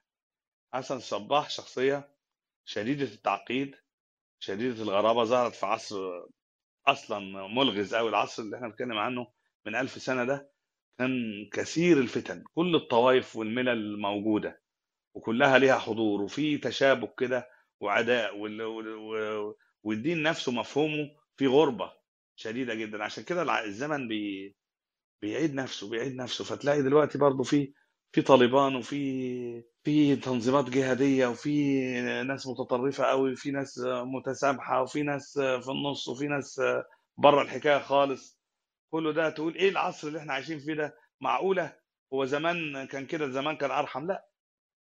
غالب العصور بيتكرر فيها نفس الأزمات. وتثار فيها نفس الأسئلة خصوصا الأسئلة الأزلية اللي هي ليها علاقة بالوجود وال... والدين وال... والروح والموت والحياة. عشان كده الدراما اللي بتتكلم في الأسئلة الأزلية دراما بيكتب ليها الخلود. أكتر من الدراما اللي بتتكلم عن الحاجات المعاشة المؤقتة زي أزمة كذا أزمة كذا حاجة غليت حاجة رخصت شقق مش عارف إيه ده ما بتعيش قوي. لأن خلاص بمجرد ما الأزمة تمشي أنت ما بتقدرش تتفرج عليها تاني. لكن الأسئلة الثابتة المكررة العميقة الغريبة اللي ليها علاقة بوجودنا على الأرض هي اللي بتصنع دراما تعيش وتعيش عمر طويل طالما السؤال قائم. أنت ربنا خلقك ليه؟ أنت بتدين بهذا الدين ليه؟ أنت اخترت إنك تكون تبع هذه المجموعة وهذا المجتمع ليه؟ أنت اخترت هذا التوجه الفكري وتركت هذا التوجه ليه؟ انت عديت ده ليه وحبيت ده ليه؟ دي أسئلة جميلة وأسئلة إنسانية وأسئلة تخلق دراما وأسئلة موجودة من عند اليونانيين وهتفضل موجودة بعدين إحنا إن كان في عمر تاني للأرض آلاف السنين. عشان كده حسن الصباح بيدور حول سؤال من الأسئلة الكبيرة دي. إزاي أنت مفهومك عن الدين ممكن يحولك إلى ولي أو يحولك إلى مجرم؟ إزاي نظرتك لنفسك في الطريق إلى التقرب إلى الله. كشخص أنت تظن بنفسك التقوى تكون بتقود خلفك آلاف وملايين الناس نحو جهنم. هذه المفارقات هذه الفتن اللي يصنعها رجال على فترات متباعدة من التاريخ مكررين بأسامي وديانات مختلفة. النهاردة اسمه حسن الصباح بكرة اسمه هتلر أو موسوليني. بعد بكرة اسمه كذا بعد بكرة اسمه كذا. مرة ممكن يبقى مسلم ممكن يبقى مسيحي ممكن يبقى يهودي ممكن يبقى بوذي. لا اللي الحكاية ملهاش علاقة بالدين. الحكاية ليها علاقة بالفكرة الملوثة. ليها علاقة بالانحراف اللي في النفس. اللي ممكن يبقى ملي صغير كده ويصل بيك من باب الجنة إلى باب جهنم. دي شخصيات تستحق أن تكتب. وينفع تبقى أنت الاثنين في نفس اللحظة. يعني ينفع تبقى أنت الشيطان والمجرم والمجنون وهي أوجه. ودي يبقى انت متعة بقى الوجه. الكتابة بقى إنه هي بيخلصنا من كل أم- بيخلص الكاتب من كل أمراضه النفسية الحمد لله ويقدر يطلع منه المجرم والقاتل والطيب أو والشرير. يزودها له يا ريس. طالما يملك. أو يزودها الله يخليك يا حبيبي. لا لا يعني دي بتبقى كده. إحنا بندور وربنا يسهل يا ريس. طالما هو موهوب ونيته سليمة ويملك عقل. لكن لو الكاتب مريض ممكن يطلع كتابة مريضة. وممكن كمان يأذي لأنه في النهاية يمكن يبقى زيه زي حسن صباح. ممكن يوجه الناس آه، بمرضه ده نحو أشياء آه، مؤذية. فلازم يعني يبقى في ضمير ويبقى في وعي ويبقى في يعني نية جيدة وإيجابية تجاه المورال بتاعه أو قصده في الآخر. والله يا مولانا مش عارف أقول لك إيه بس إحنا بقى هنستقبل أسئلة أنا هسيب المنصة يلا ساكت. بس الأول برديس وإسلام هيقروا الأسئلة الموجوده على القناة. اتفضل يا برديس الأول. اتفضل يا بدر مساء الخير ازي حضرتك؟ مساء النور ازي حضرتك؟ طيب في أول سؤال آه لو حد موهوب وعاوز يحترف الكتابة يبدأ منين؟ يبدأ من أنا أتكلم عن اللي يخصني. يبدأ من من نفسه. يبدأ من إصراره. واسطته العظمى لأي كاتب الصبر والإصرار. لأن أصلا ما فيش كاتب يعني الكتابة دي عاملة زي لعب الكورة. أنا أعرف شخص مثلا موهوب وشاطر وخدته من إيدي ورحت للشركة قلت لهم هذا الشاب موهوب وشاطر. هو مش هيبقى موهوب وشاطر إلا لما الناس تقرأ وتتفرج وتشوف شغله وتحس إنه فعلا موهوب وشاطر. دي ما فيهاش واسطه على الإطلاق إلا هو. وهتقفل في وشه الأبواب وهيحاول وهيصبر. لو هو إصراره وصبره أكبر من يعني من عدد الأبواب اللي هتتقفل يبقى هو هيبقى كاتب عظيم وهيبقى أحسن واحد في مهنته. لو كل الأبواب اتفتحت وكل الناس دخلته وهو ما عندوش إصرار ولا صبر ولا موهبة عمره ما هيكون حاجة. دي حاجة. الحاجة الثانية مفيش حد بيكتب بعد الظهر. يعني مفيش حد يبقى عايز يبقى محاسب وكاتب طبيب وكاتب مهندس وكاتب. لا في حد عايز يبقى كاتب ويتحمل تبعات هذا الاختيار المرعب اللي تخليه ممكن يقعد شهور وسنوات في بداية حياته بلا مدخل آه، يعني يعيش منه. وبلا أجر ثابت وبلا دخل ثابت. الموضوع فيه معاناة شديدة. وعلى فكرة ما بيصبرش قوي إلا الموهوب قوي ولا يستطيع أحد أن يغلق بابا في وجه موهوب. وتعالوا نح- نحكيها من الأول للآخر. بنت فقيرة من الفلاحين غلبانة جدا جدا جدا جاية من أقاصي الدلتا تسمى أم كلثوم إبراهيم. أكيد طريقها ما كانش مفروض مفروش بالورد يعني فتبقى كوكب الشرق. حد ضعيف البنية عنده مرض البلهارسيا تعبان يتيم متربي في ملجأ فيبقى العندليب الأسمر. ناس من أقاليم يبقى هم صوت مصر. ناس من أقاليم يبقى هم لهجتهم هي لهجة مصر. ناس من أقاليم تبقى العاصمة بتتباهى بيهم. جم جم فقراء وخاضوا الطريق. ناس كتير يقول لك طب ما تفتح الأبواب وتساعد. ماشي. الواحد يقدر يساعد الموهوبين قد ما يقدر بس عمري ما هساعدهم قد موهبتهم. الموهبة واسطة جبارة. ولا حد في الدنيا ينفع حد إلا موهبته لأن هي الوحيده بالليل اللي بتهمس في ودن صاحبها وهو منكسر والباب مقفول في وشه وتقول له أنت شاطر بكرة هتكتب وكل الناس تعرف اسمك. فيصدق الصوت ده ويكمل ويروح بكرة وبعده. طيب أستاذ عبد الرحيم مساء الخير. مساء النور يا من معي؟ مع حضرتك إسلام فخري يا فندم. ازيك متقمص شخصية الأستاذ القدير يحيى الفخراني. وسهلا. في سؤالين لحضرتك. الأول أنا بس بأبدي إعجابي بأعمال حضرتك وبشخص حضرتك الكريم. يخليك والحقيقة شراكه حضرتك مع أستاذ يحيى الفخراني حقيقي. أنتجت لنا أعمال إيه، كتير من جدا في الحمد لله. ده ده من حظنا يا فندم. يخليك. سؤالين سريعا لحضرتك. بما أن الكاتب عبد الرحيم من أبرز كتاب جيله السؤال الأولاني هل شايف حضرتك إن الأعمال والكتابات أثرت على جيل الشباب الموجود حاليا؟ والسؤال الثاني إيه تأثير إن حضرتك كنت من مواليد سوهاج على كتابتك آه آه. والله تأثير التاثير ده على الشباب ما أقدرش أرصده قوي لكن بقى أشوفه في ال- في ال- في الحياة يعني وفي ردود الأفعال في الم... وكأكتر حاجة بتسعدني إن سنهم صغير. يعني الناس من سن 16 و15 عمر الشباب بقى لحد سن 25 26 بيحبوا ال- الحاجات وبتوصل لهم المعاني. وبتوصل لهم الرسائل ومستنيين وبيحبوا الشخصيات ومرتبطين بيها. ده بيسعدني جدا جدا جدا جدا. إنك أنت يعني في وصل بينك وبينهم إنك أنت عمري ما ما أيقنت إن الكاتب قاعد بيكلم نفسه بس. بالعكس هو يعني الممثلين وال والديكورات وال والإنتاج دي عبارة عن حجج وستاير بين وجهة النظر والكاتب والمخرج والجمهور. فالحمد لله يعني أنا حاسس إن الكلام واصل مش لودانهم يعني لقلوبهم خصو- الخصوصيه بتاعت سوهاج والصعيد طبعا أنا مدين بكل حاجة ليها. لأنك أنت تتخيل إنك أنت تتولد في بلد آه، قرية صغيرة وفي ظهرك الجبل وتحت بيتك على طول أقل من 20 متر تكون شايف واصل للنيل يعني. آه، بلد لسه ما كانش فيها كهرباء. أنت شايف السماء عادي هنا ما بنشوفش السماء شايف النجوم. آه، شايف الضلمة ضلمة والليل ليل والنهار نهار.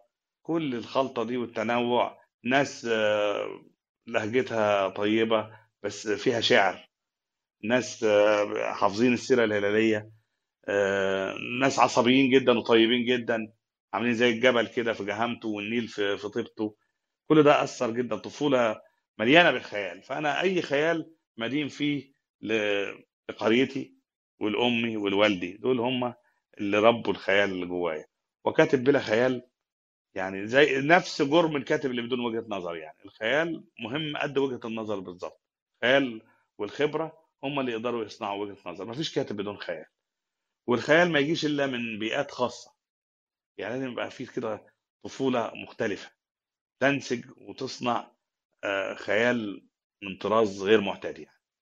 فده حلو ده حلو إنك أنت في طفولتك تبقى سمعت ده وشفت ده.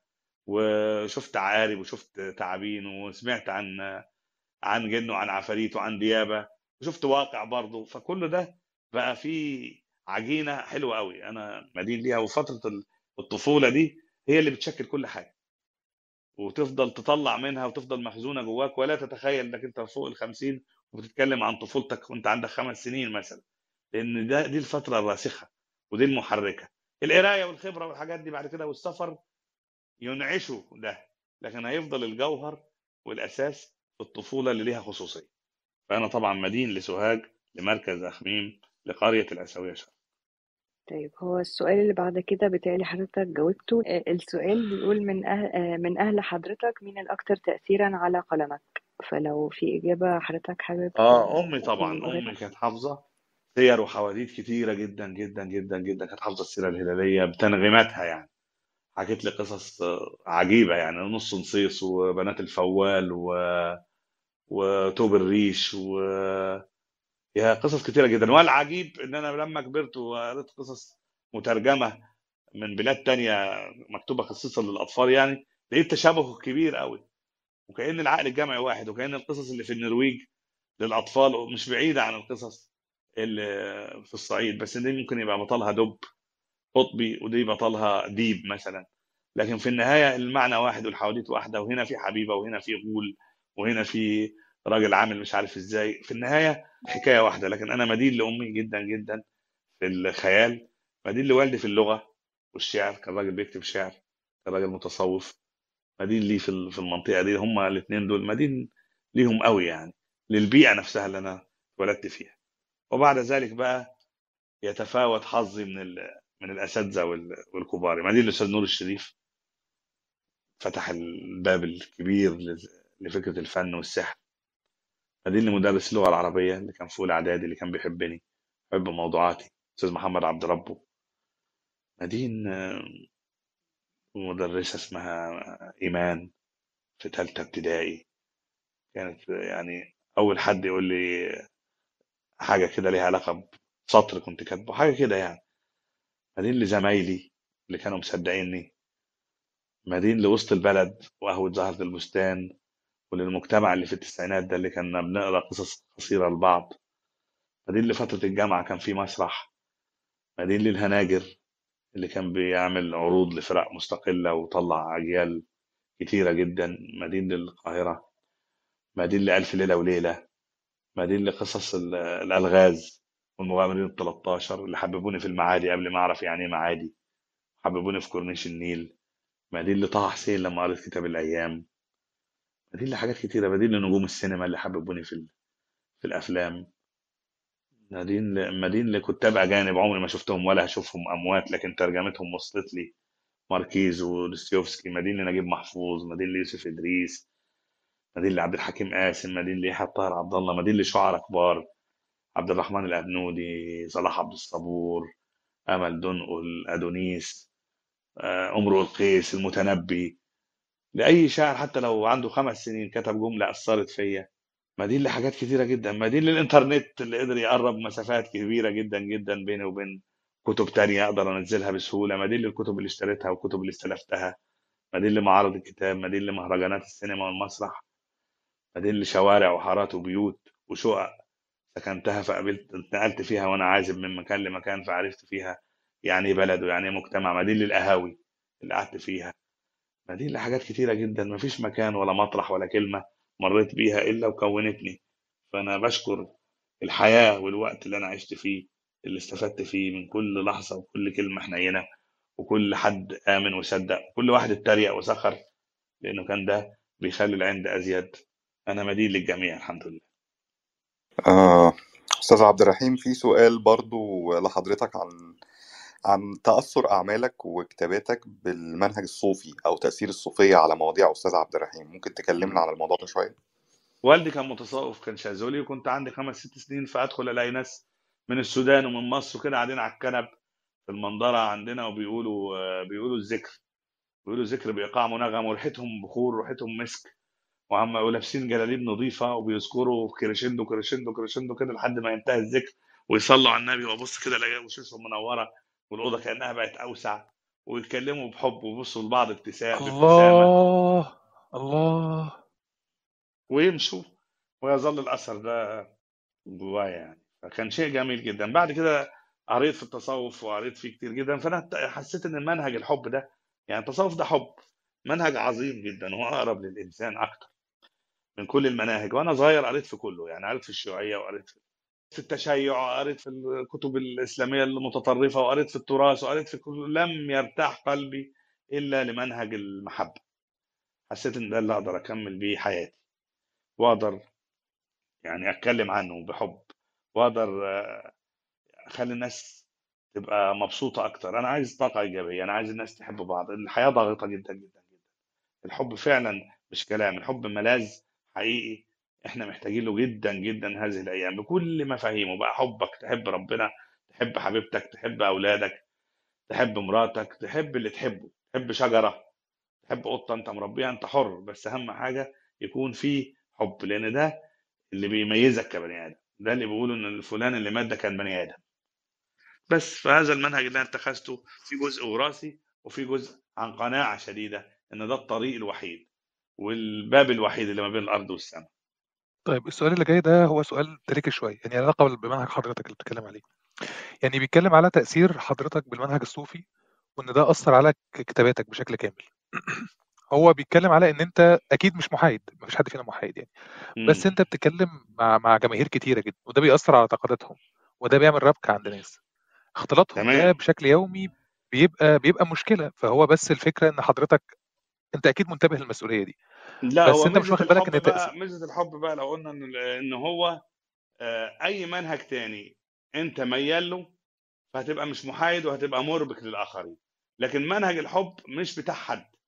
يعني ما أقدرش أنسبه لشخص والتنظيم والفكرة فأنا هاخد مكسب من وراه فأبقى مغرض فخلي الناس تقع فيه عشان أنا أوصل إلى سين أو صاد أو عين من المكاسب أو المصالح. أو أنا عراب لليسار أو لليمين. لا أنا عراب للحب. ده والله منهج لو في انحياز فيبقى انحياز إيجابي لأنه انحياز للروح الإنسانية. مرحبا بالانحياز للروح الإنسانية. لكن أنا مش منحاز لفكرة بعينها. أنا مش منحاز لتيار بعينه. أنا مش منحاز حتى للتصوف. أنا بتكلم عن الحب. حتى التصوف في نماذج أنا قدمت فيها إنها نماذج نصابين عادي. في ناس متصوفة نصابة. زي ما في ناس متشددة آه، قتلة. ما فيش ما ينفعش تبقى كده تطلق العنان وتقول إن ده هو الممتاز ده هو لا لكن الممتاز واللي أنا منحاز له هي فكرة المحبة. وفكرة المحبة الانحياز فيها وتوريط الناس فيها هو شيء آمن وجميل لأنه مش مص- لمصلحة حد إلا مصلحة الإنسان نفسه. السؤال اللي بعد كده أقرب أعمالك لقلبك؟ وإمتى هنشوف مسلسل عن زرقاء اليمامة؟ أقرب أعمال القلب هو كلهم طبعا أولادي والكلام ده. بس أنا بحب الخواجة عبد القادر لحاجه تتعلق بوالدي. بحب الرحايا لأنها جزء مني وبحب هدى اللي صار جدا جدا جدا و... وجزيرة وبحب كنز وبحب رواياتي أكتر. طيب أستاذ عبد الرحيم برضو في سؤال. هل الأنظمة السياسية ليها دور أكبر في بزوغ آه، نجم كاتب ودفن كاتب تاني حتى لو موهوب؟ وهل حضرتك قابلت ده أو شفته؟ زي ما قلت في الإجابة بتاعت إزاي الكاتب ينجح. مفيش قوة في الوجود تقدر تنجح حد في قلوب الناس. ممكن تفرضه في الإعلام ممكن تفرضه على الشاشات ممكن لكن إنه ينجح ككاتب في قلوب الناس بدعم من جهة واحدة استحالة. مفيش قوة في الدنيا تقدر تفرض لاعب كورة وتقول للناس إن هو اهو موهوب أو كاتب. الكاتب الوسيط اللي بينه وبين الناس كتابته. يحبوها يكرهوها. طلع بقى في التلفزيون كتير جهه وقفت جنبه حد قالوا نقاد كتبوا إنه أعظم واحد ولا ليه أي معنى ده. في النهاية كتابة نجيب محفوظ هي اللي خلت اسمه نجيب محفوظ حتى لو ما خدش نوبل. يوسف إدريس ما خدش نوبل هيظل كاتب عظيم جدا جدا. عبد الحكيم هنفضل نعيد ونزيد في أسامي ما بكررهاش ولا حفظتها إلا عشان كتابتهم.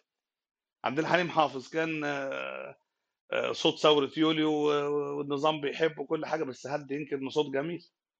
هل لو لو لو عبد الحليم من غير ده كان هيبقى مش موجود؟ لا كان هيبقى موجود. وفي ناس تانية ما فيش كان حد بيدعمهم خالص ونجحوا بقوة الصوت بقوة الموهبة. فتظل الموهبة هي السلطة المطلقة الأقوى اللي تفرض نفسها على الجميع. أنا مؤمن بده جدا جدا جدا. ومفيش سلطة على الأرض تقدر توازي الموهبة لأن سلطة الموهبة جاية من الوهاب. وده أكبر دعم في الدنيا أنت سلطتك وال- واللي ساندك ربنا بقى مباشرة. فمين يقدر يتحدى ده بسلطة أكبر؟ خليني خليني برضو أزود من عند أنا بقى على السؤال ده وأقول لحضرتك. الموهوبين مصائرهم ما بتبقاش واحدة. آه، بمعنى آه، أفتكر إن الموهبة برضو حتى لو موجودة لوحدها مش كفاية. فممكن حضرتك تقول لنا إيه الحاجات اللي لازم تكون موجودة مع الشخص الموهوب عشان خاطر يقدر يحمي موهبته ويوصل فنه للناس؟ الموهبة نعمة زي أي نعمة. كل ربنا حد اداله نعمة لازم يرعاها. وجود النعمة دي معناها إن خلاص أنت بقيت صاحب نعمة. هل رعيتها ولا ما ترعيتها خلاص الموهبة المفتاح. لكن أنت لما دخلت الباب بقى عملت إيه؟ رعاية الموهبة أهم من الموهبة بكتير جدا جدا جدا. خبرتك صدقك آه، إن هي أغلى من ثمنها مفيش منتج في الدنيا هيقدر يدي كاتب أو أي حد موهوب أجره. ده بيبقى أجر رمزي. لكن اللحظات اللي ضيعها من عمره عشان يحس ويشعر بصدق بحاجة يديها للآخرين دي ثمنها ما يكافئوش بيها إلا ربنا. فلازم يراعي النعمة دي يراعي بالقراية وبالصدق وبإنه ما يظنش إنه نجح وإنه يفضل طول الوقت عارف إنه صفر وإنه كل مرة بيكتب فيها بيعرف إن ده أول مرة كأنه أول مرة بيكتب وإنه لا يتعالى وإنه عارف إنه ولا حاجة فعلا على الحقيقة مش بيطلع يقول للناس أنا ولا حاجة ولا حاجة فعلا. لأنه يفضل إنه مهما كانت موهبته ممكن يقعد قدام اللابتوب أو الورقة والقلم ما يقدرش يكتب حرف. وده عن تجربة وعن حقيقة. حرف. لو كل الدولة معاه ومعاه فلوس العالم كله وموهوب وكل حاجة وهو حس في لحظة ان الموضوع ده منه هو وملكه هو وبتاعه هو لن يصنع شيء. هو صفر يرجو إن ربنا يمنحه حاجة وعشان ربنا يمنحه حاجة ده لازم يبقى بيقرأ وبيكتب وجزء من الناس ومش منفصل وعايش وبيحلم وشغوف. حاجات كتيرة جدا جدا ما يقدرش مخلوق إنه يديها لك. لكن تقدر أنت طول الوقت تديها لنفسك طول ما أنت موقن من حكاية إنك صفر ومحتاج تقدم رقم جديد في كل مرة للناس. آه، في بعد كده حضرتك آه آه، عاوزين عمل عن حياة الغجر والمساليب والنور والفروق بينهم ورحلاتهم النور ودورهم. النور معلش. ورحلاتهم ودورهم في نقل القصص والأشعار والفنون وإلخ والله يا ريت بس أنا ما بفكرش بالطريقة دي. يعني ان الكتابة عن مجموعات أو عن طائفه أو عن كذا. يعني طريقة تفكير عقلي بتبقى في ناس بتعمل ده وبتعمله ببراعة. بس أنا ما بفكرش كده. أنا ممكن شخصية بقى تعجبني فما وراها بقى يجي كل حاجة. أنا بحب قوي الشخصيات. شخصية هي اللي تظهر لي كده وتحركني. غجرية بقى اسكندرانية آه، مش مصرية خالص بس تبقى شخصية. وراها بقى لو هي شخصية بالصدفة طلعت من الغجر فأنا أعيش بقى في الغجر. لكن في البدء كان الإنسان يعني. فيبقى في سيدنا آدم فبعد كده يبقى في ينزل الأرض فيبقى في أرض فيبقى في ابتلاء فيبقى في جنة بيبقى في نار. لكن هو الإنسان. الإنسان في البداية هو اللي بيحركني أكتر من إن أنا أكتب عن طائفه أو مهنة أو بلد أو كده. أوكي، طيب اللي بعد كده سبب اختيار القصير لأحداث مسلسل جزيرة غمام أو اختيار إيه؟ القصير القصير. أنا القصير. مش آسفة القصير لا أنا آسفة والله. لا هو هو الجما... القصير والمنطقة بتاعت البحر الأحمر دي فيها شيء مش موجود كتير. إنهم صعايدة وعلى البحر. طول عمر الصعايدة على النيل والجبل فقليلين قوي عدد ال- الجنوبيين الصعايده اللي موجودين على البحر. فده اللي خلاني أفكر في ده إن يبقى في جزيرة مش جزيرة الجزيرة المفروض متحوطه بالميه من كل جهة بس شبه جزيرة يعني والأبطال صعايدة والبحر موجود. فده بيعمل حاجة يعني نادرة الفرجة شوية غير لما نتكلم عن الصعيد في الصعيد أو كده. الزوبعة هي إيه في زماننا دلوقتي؟ يعني شوية ترندات كتيرة ورا بعض يقلبوا الدنيا. هي أي حدث جلل بيخوف ال... بيخوف الناس. يعني إحنا ممكن إحنا طول الوقت في احتمال الزوبعة. يعني مثلا روسيا واوكرانيا إحنا مالنا بعاد جدا بس فجأة يظهر شبح النووي. ما بين بلاد بيننا وبينهم آلاف الأميال لمجرد شيء إحنا لا نعلمه جيدا. ما عندناش أي فكرة حقيقية عن أصل الصراع. بس فجأة تبقى أنت نفسك مهددة إن يحصل موت ويزهق أرواح كتيرة جدا جدا جدا. ففكرة. يعني الزوبعة مش مرتبطة بس بالآخرة صارت في عصرنا ده مرتبطة بحمق البشر كده. فممكن حد أحمق يدوس على زرار يعمل زوبعة ويزهق أرواح كتيرة جدا وحصلت من قبل يعني. فالزوبعة بقت بأمر السماء وساعات ربنا يمنحها لناس يعني ربنا يستر. طب أختنا يارا من القدس تحديدا بقى يعني مقدسية من هناك اتفضلي مساء الخير أستاذ عبد الرحيم. شكرا على على الروم وشكرا أستاذ عبد الرحيم فالنور شرفت على ليك وسلامنا إلى القدس الشريفة. الله يسعدك. آه بجزيرة غنم غمام في مونولوج كامل من آه والدته آه لل لل- لناس البحر. آه بتحكي عن تاريخهم. وبلحظة معينة ما أعتقد بالمونولوج بتقول ناس البحر ما لهم مش وطن. ناس البحر بيجوا من وين ما كانوا بيروحوا وين ما كان. أنا كنت حابة أكتر بس لو تحكي لنا أكتر عن عن مين هدول ناس البحر؟ وعن إيش هذا. المجاز؟ ووين موجودين؟ آه وأنت عارف طبعا يعني آه أنا وين راح خيالي. فطبعا أنا ما بدي أفرضه عليك بس حابة أسمع منك أكتر. شكرا شكرا شكرا. كل ما تعدد التأويل كل ما كان في الصالح أكتر. هي مش هي أم الروحية. زين المواصف مش أم خلدون. هي أم الروحية وبتحكي حدوتة غامضة شوية عن ناس البحر اللي هم بلا جذور وبيحاولوا يفرضوا سيطرتهم على الأوطان اللي ليها تاريخ وانت عارفة وأنا عارف. طيب دكتورة شيماء انت ليكي عندي من المرم اللي فاتت فأنا يعني براحتك. آه، ده سؤال يعني هما سؤالين بره أعمال حضرتك بس يعني ريليتد واحد ليه علاقة بالصعيد إحنا عندنا مشكلة ويعني أكيد اللي عايش هناك عارف إن فكرة الاهتمام بإن حد يشوف الأعمال الأدبية أو الثقافية لل- للناس هناك ضعيفة جدا. فبرغم إن في مواهب كبيرة زي حضرتك ومثلا أستاذنا بهاء طاهر قبل كده باين قد إيه إن هما متأثرين بالبيئة في فكرة إن إحنا مركزية القاهرة مقابل الأطراف يعني إحنا ما بنلاقيش حد بيتكلم كتير عن مدن الدلتا مثلا ما بنلاقيش حد بيتكلم عن مدن الق- ففكرة هل في التيار الفكري دلوقتي أو الروائي في مثلا حركة إن يحاول يشوف الأطراف تاني يتواصل مع الجذور بحيث ي- يعزز حركة الأدب منها تاني. دي أول سؤال. تاني سؤال ليه علاقة بالصوفية مشكلة هي الصوفية مم. طبعا منتشرة عندنا في الصعيد أكتر ففي ناس بتربط ما بين انتشارها وما بين تهميش الصعيد إن الصوفية بتنتشر في الأماكن اللي بيتم تهميشها بشكل أكبر لأن هي لا تهتم بالجانب السياسي أوي. فهل في مثلا عند حضرتك رؤية بعد كده إن إن إحنا لأ نبرز إن هذا التيار ال- الديني مش لازم بالضرورة يكون منحي السياسة ولكن ليه رؤية مختلفة ليها؟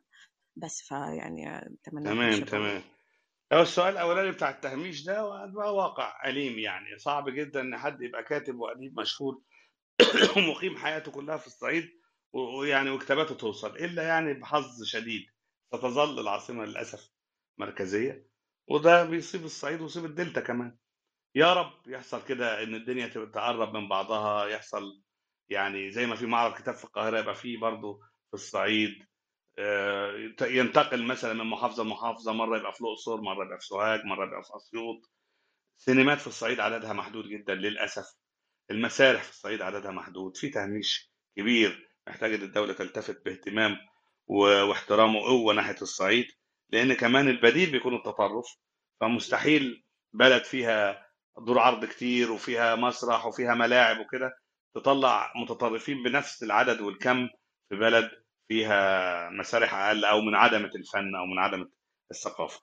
بالعكس وجود التصوف في الصعيد حمى الصعيد حمى الصعيد من التطرف والتشدد.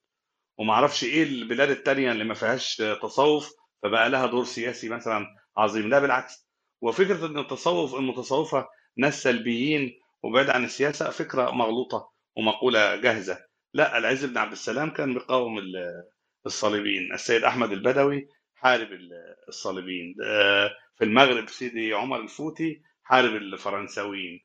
عمر التصوف أو المحبة ما كانت تواكل وعمرها ما كانت سلبية وعمرها ما كانت ناس منفصلة عن الحياة. ده تصور يعني مغرض يريد البعض أن يلصقه بالتصوف. أنا لست مدافع عن التصوف أنا بدافع عن المحبة. لكن الحق يقال إن المتصوفة فيهم أبطال وأكابر وفرسان ومحاربين ومدافعين وعمرهم ما كانوا سلبيين. سياسيا لكنهم أكثر عمقا وأكثر هدوءا ولا يميلوا إلى الفتن التي لا طائل منها.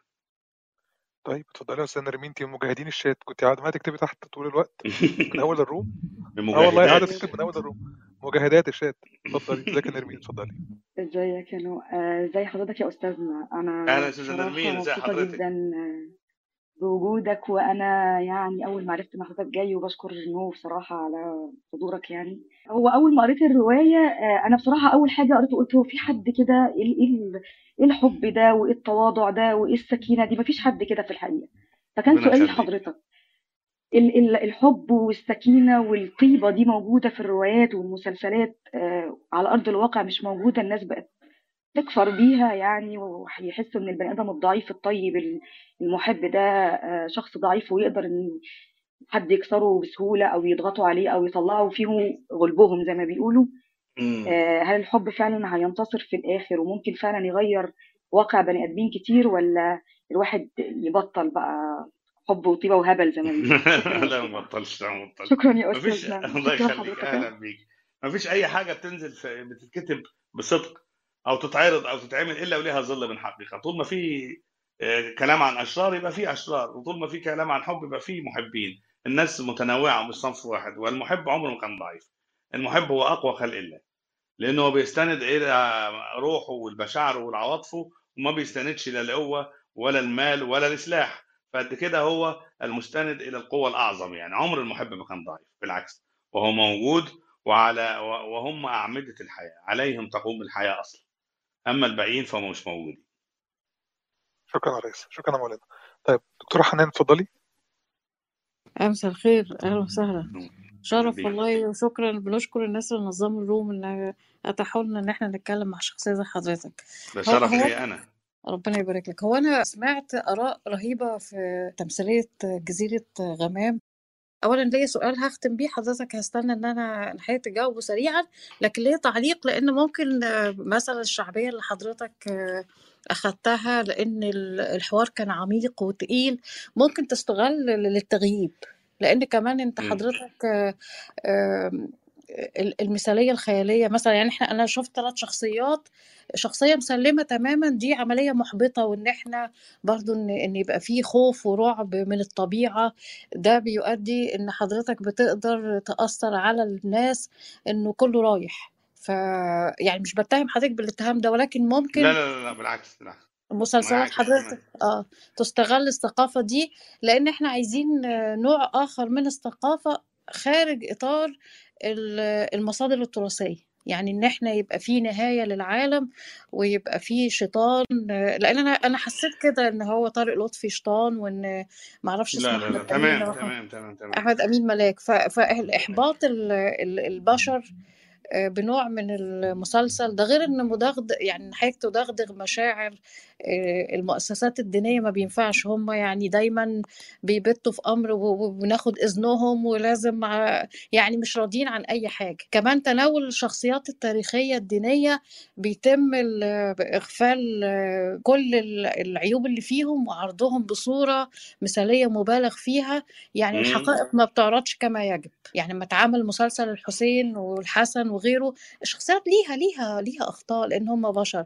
فانا يعني طبعا مش أنا اللي هقيم حضرتك ولكن لا لا المحتوى راسي والحوار بالعكس أنا ارد على حضرتك لا بالعكس آه اللي هيجذب الفئة المثقفة هيستغل دراميا لأن الناس ت- زي ما بنقول آه، تغييب أو آه، لا لا تغريب لا لا لا الواقع لا لا لا لا لا ما فيش تغييب لأن أصلا العرفات ده مش متواكل ده بيعمل بالنجاره وطاقه ايجابيه واتهم الناس اللي بت- بتوعظهم بال- بالباطل ودولابهم مليان هدوم بالعكس ده هاجم المؤسسة الدينية التقليدية هجاء هجوما شرسا. ال- ال- الأخرة وال- والزوبعة ده رمز حاجة رمزية. وشيء غير منكر يعني ما ينفعش حد مهما بلغت ثقافته إنه ينكر آه، موجود بالضرورة معلوم بالضرورة في الدين إنه ينكر مثلا يوم البعث أو ينكر القيامة ويقول القيامه دي حاجة بتخوف الناس أو ينكر جهنم بحجة إن كنتم بتحبطوا الناس أو ينكر الجنة بحجة إن كنتم بتطمعوا الناس. أو يكون إن النموذج الإيجابي اللي بيعمل ويشتغل ويدعي الناس للحب هو النموذج اللي بيدعو للتغييب قصاد النموذج الثاني اللي بيقتل ويسيء الأدب ويسرق ويبقى بتاع مخدرات فيبقى ده النموذج المطروح في الفن. لا بالعكس إحنا بنقدم ناس بتدعو للحب بتعمل بتدعو للطاقة الإيجابية بتدعو للعلم بتبعد خالص عن الخرافة. عمرنا ما انتصرنا للخرافة على الإطلاق. الغرب لما بيعملوا حاجة فيها خيال بيتقال عليها إنها واقعية سحرية بيتقال عنها خيال. الغرب لما بيتكلم عن عفاريت والجن والزومبيز بيبقى راجل آه، بيتكلم عن خيال ونشط الناس لكن هنا لما بيتقال عن حاجة روحية بيبقى تغييب لا لا لا لا. على الإطلاق التغييب هو إنك أنت تغربي المجتمع. التغييب هو إنك أنت تتكلمي عن شخصيات آه، مش موجودة. لا إحنا بنتكلم عن شخصيات بتدعو للعمل تدعو للنشاط تدعو للطاقة الإيجابية تدعو ل... بتهاجم الزيف الديني المسلسل بيهاجم الزيف الديني بشكل قوي بيهاجم المتكئ للنص بس دون رحمة بشكل رهيب. المسلسلات بتاعتي أنا بالذات عمرها ما كانت مع السلطة التقليدية الدينية على الإطلاق وانما على الناحية الأخرى الأخرى وياما عانيت من ده كثير وكثير وكثير. فأنا أبعد ما يكون عن التغييب أبعد ما يكون عن الدعاية للتواكل أبعد ما يكون عن اللي حضرتك قلت عليه. خالص دكتور عمر خبر حضرتك إيه؟ الحمد لله. تحية إعزاز وتقدير للكاتب العظيم عبد الرحيم كمال ربنا اللي أنا بعتبره الآن هو من أهم الكتاب في العالم. يعني أشكره و- وأرجوه أن يستمر في انتصاره للروح وللروح الإنسانية فجوهر الإنسان هو روحه. أدعوه إلى أن آه، يستمر أو يركز أكتر على لفت الانتباه للخلطة الدينية الحقيقية لمصر. تعلم حضرتك أن الخلطة دي أصابها شوائب. طبعا. وبالتالي نحن محتاجون جدا إلى هذه الخلطة اللي حضرتك لمستها عشتها ولمستها بيديك وشممت رائحتها. سؤالي بس آه، ه- أظن حضرتك برضو آه، في في في في كتاباتك أو من خلال كتاباتك في نصيب من الاطلاع على الشيخ محي الدين ابن عربي. أليس كذلك؟ رضي الله عنه ده السؤال. طبعا. طيب شيخ عظيم ندر مثاله تمام شكرا. شكرا أستاذ عمر شكرا. أستاذ إنسان اتفضل. ماشي السلام عليكم جميعا ونرحب بالأستاذ عبد الرحيم كمال وفرصة سعيدة جدا. آه، سؤال صريح جدا بخصوص جزيرة غمام. المسلسل من الناحية الفنية رائع جدا لكن بصراحة الواحد بعد ما يشوفه بيشعر أنه هو يمثل التوجه الجديد في الدول العربية لشكل الدولة يعني اللي هو شكل بقى الحاكم القوي الأوحد اللي هو آه، قام بدوره عجمي في مقابل آه، نوعية التدين اللي هو ال- الصح اللي هو بقى التدين الصوفي. ولم يقدم حقيقة نموذج لش- لشيخ غير صوفي وجيد في نفس الوقت. يعني إحنا لدينا الشيخ الصوفي الجيد والنماذج السيئة لكن شيخ جيد وغير صوفي هذا ما شفناهوش في المسلسل. في مقابل طريقة الحكم بقى وال- والطريقة اللي بيمثلها عجمي والبطانة الفاسدة وكذا يعني هو هل هو بشكل أو بآخر سواء بشكل مقصود أو غير مقصود هو ترويج لما بعد الربيع العربي شكل الدولة اللي تطمح لها الأنظمة العربية؟ هل هذا كان في البال؟ لا لا لا غير مقصود على الإطلاق. العجمي عجمي ده شكل الحاكم من 100 سنة. إحنا بنتكلم عن 1919 أو 18 1908 كمان أنا آسف. إحنا بنعدين 110 وده كان شكل الحاكم المعتاد في وقتها. فده الشكل القديم مش الجديد ولا القادم يعني. هو كان حاكم عادل مستبد فده شكل قديم خالص وواضح إن إحنا بنتكلم عن أيام عباس حلمي الثاني. ما بنتكلمش عن إن ده الشكل النموذجي لكن ده الشكل المناسب لهذا العصر. الثلاث حاجات اللي الناس مش واخدة بالهم منهم إن هو كله انتصر لعرفات المتصوف ده مش صحيح. الشيخ اللي انتقل ومات وورث الثلاثه الثلاثه متصوفة عادي. بس فيهم واحد أهو- هي كشف لأحوالهم. إحنا ادنا اثنين والثالث لأ. دي حتة مهمة جدا لازم هم الثلاثه مريدين للشيخ متصوف. فيهم النصاب اللي بيعمل أعمال ويستدرج النساء وفيهم المتعالي المليء بالنفس اللي عايز يحولها لحرب. عادي. ليه بقى هم الثلاثه متصوفين؟ لأن هذا الشكل هو كان الشكل اللي موجود برضه من 100 سنة قبل أن تأتي الأفكار الرملية الأفكار اللي بتكفف الدين الأفكار اللي قالت إن بعد 1300 سنة ظهر تأويل واحد وحيد للدين اللي هو التأويل المتشدد اللي هو التأويل بدون ذكر اسماء يعني. لا الشكل الصوفي هو اللي كان الشكل اللي موجود في الصعيد في الجنوب من 100 سنة. الشكل الصوفي ده مش كله على إطلاقه صح؟ الصح فيه هو الطيب المتوكل النشيط الإيجابي اللي خد المسبحة ولم يكن له أطماع دنيوية زي الأولاني اللي هو برضه مريد لشيخ صوفي ولا أطماع دنيوية في شكل نساء زي الشيخ الثاني اللي هو برضه مريد صوفي. بالعكس هو إدانة لتوجهين صوفيين من ثلاث توجهات مطروحة في هذا العصر لأنه لم يكن يفد إلينا بعد التوجه الجديد. في حد كان بيسأل على دور الموسيقى التصويرية؟ وإيه دور الكاتب في اختيار نوع مزيكا معينة؟ عشان الراجل كتب السؤال والله أكتر من مرة. وكتب إن كل كاتب ليه شخصية بينحاز ليها. إيه بينحاز ده ليها هو السؤال التاني آه، إن كل كاتب عنده شخصية بينحاز ليها في الرواية. إيه أكتر شخصية أنت كنت عايز تنتصر لها أو منحاز ليها؟ مش شرط اتصل لها أنا بحب علي بحر جدا بس فهو اللي صار. هذا الفنان المهمش الموهوب المحب اللي لم ييأس من إنه يطلب حبيبته ثلاث مرات مهما تقدم به العمر وفي في الآخر اتجوز من أحبته ولم يتزوج من أحبها. بس هل عشان بحبه أنتصر ليه؟ لا. إحنا بننتصر أنا بنتصر ليهم بإن أنا أطلع نفسي بره بره الحكاية الموسيقى التصويرية يعني الكتابة بتفرض إطارها ونوعها ومودها لكن اختيارها الأفضل والأصلح غالبا بيكون من المخرج. هو بياخد روح النص ويقول مين أصلح ليه بقى يعمل ليه مزيكا. فكان شادي مونس هو اختيار الأستاذ حسين المنباوي بناء على حبه وتصوره هو كمخرج لنص جزيرة غنم زي اختيار الممثلين كده. أنا دوري فيه آه، يعني استشاري. بس في النهاية هو حق أصيل للمخرج. يا دكتورة حورية شكرا يا نوي. شكرا جزيلا. وبشكرك على الروم وعلى استضافة الأستاذ الجميل الكبير الله الأستاذ عبد الرحيم منور الدنيا بجد ومبسوطين جدا إنك معانا النهاردة. آه، أنا هتكلم عن آه، العمل أكتر عمل هو كل الأعمال حلوة بصراحة بس أنا جزيرة غمام. إزاي الجرأة جت لاختيار واحد كوميديان زي أحمد أمين عشان يأدي الدور وهو أداه ببراعة بصراحة. أحمد أمين ده برضه ده سؤالي. السؤال التاني طبعا كان برضه عن تتر ال- المسلسل. آه، التتر حلو قوي. أنا لدرجة إن أنا تخيلت إن حضرتك اللي كاتب الكلمات من كتر ما هي مطابقة لأحداث المسلسل. فتخيلت إن الكلمات قاري وفاهم قوي. أستاذ إبراهيم عفوا. بالظبط. آه، كاتب الكلمات كأنه هو بيشرح المسلسل في خلال الكلمات فكانت تحفة. ده ف بيفرق عن شعر. آه، هو قرأ الحلقات كلها فحس في شعراء تانية. ما بيقروش الحلقات يقول لك هو المسلسل بيدور حوالين إيه؟ فيروح كاتب أي كلام لكن ده لأنه قرأ لا هو 30 حلقه آه فطلع بص يعني كاتب حط حط الغمام على الجزيرة بدل هواها وطباعها مطابقة فعلا للحلقات واللي بيحصل صحيح. فأنا بس حابة أعرف من حضرتك اختيار أحمد أمين كان من البداية اختيارك ولا اختيار المخرج ولا أنتوا مع بعض وإزاي جازفتوا بكوميديان يعمل الدور؟ كان اختياري يعني ده ووافق شكرا عليه المخرج. اختيار شكرا لحضرتك. كان أحمد أمين اختياري وافق عليه المخرج وحاولنا كتير. ودي كانت مفاجأة المسلسل لأنه هو أحمد أمين شبه كده عرفات نفسه في حكايه الظاهر والباطن. ظاهره كوميديان عظيم والناس حبته وعرفته في الكوميديا لكن هو يملك روح جميلة.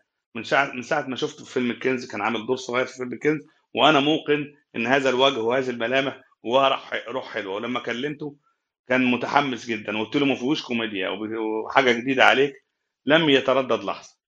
فكان مطابق بقى لتصور الناس عنه وحقيقته وك- وكذلك برضه تصور الناس عن عرفات.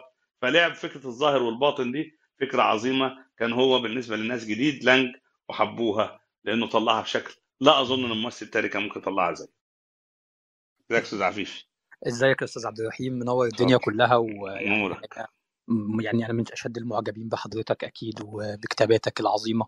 هو سريعا بس كده سؤالين على السريع. السؤال الأول آه، فيما يخص يعني جزيرة غمام وفكرة رمزيه اختيار الرئيس السادات إن هو يظهر في الحلقة الأولى آه، وتحديدا اختيار كمان التوقيت سنة 77 و- وفكرة إن إن ال- إن دي كانت الزيارة ما قبل زيارته للقدس يعني آه، وفكرة. تنبؤ إن هو ربنا هينصره في ال- في الزيارة الثانية من قبل يعني للشيخ الخطيب اللي كان بيخطب على المنبر.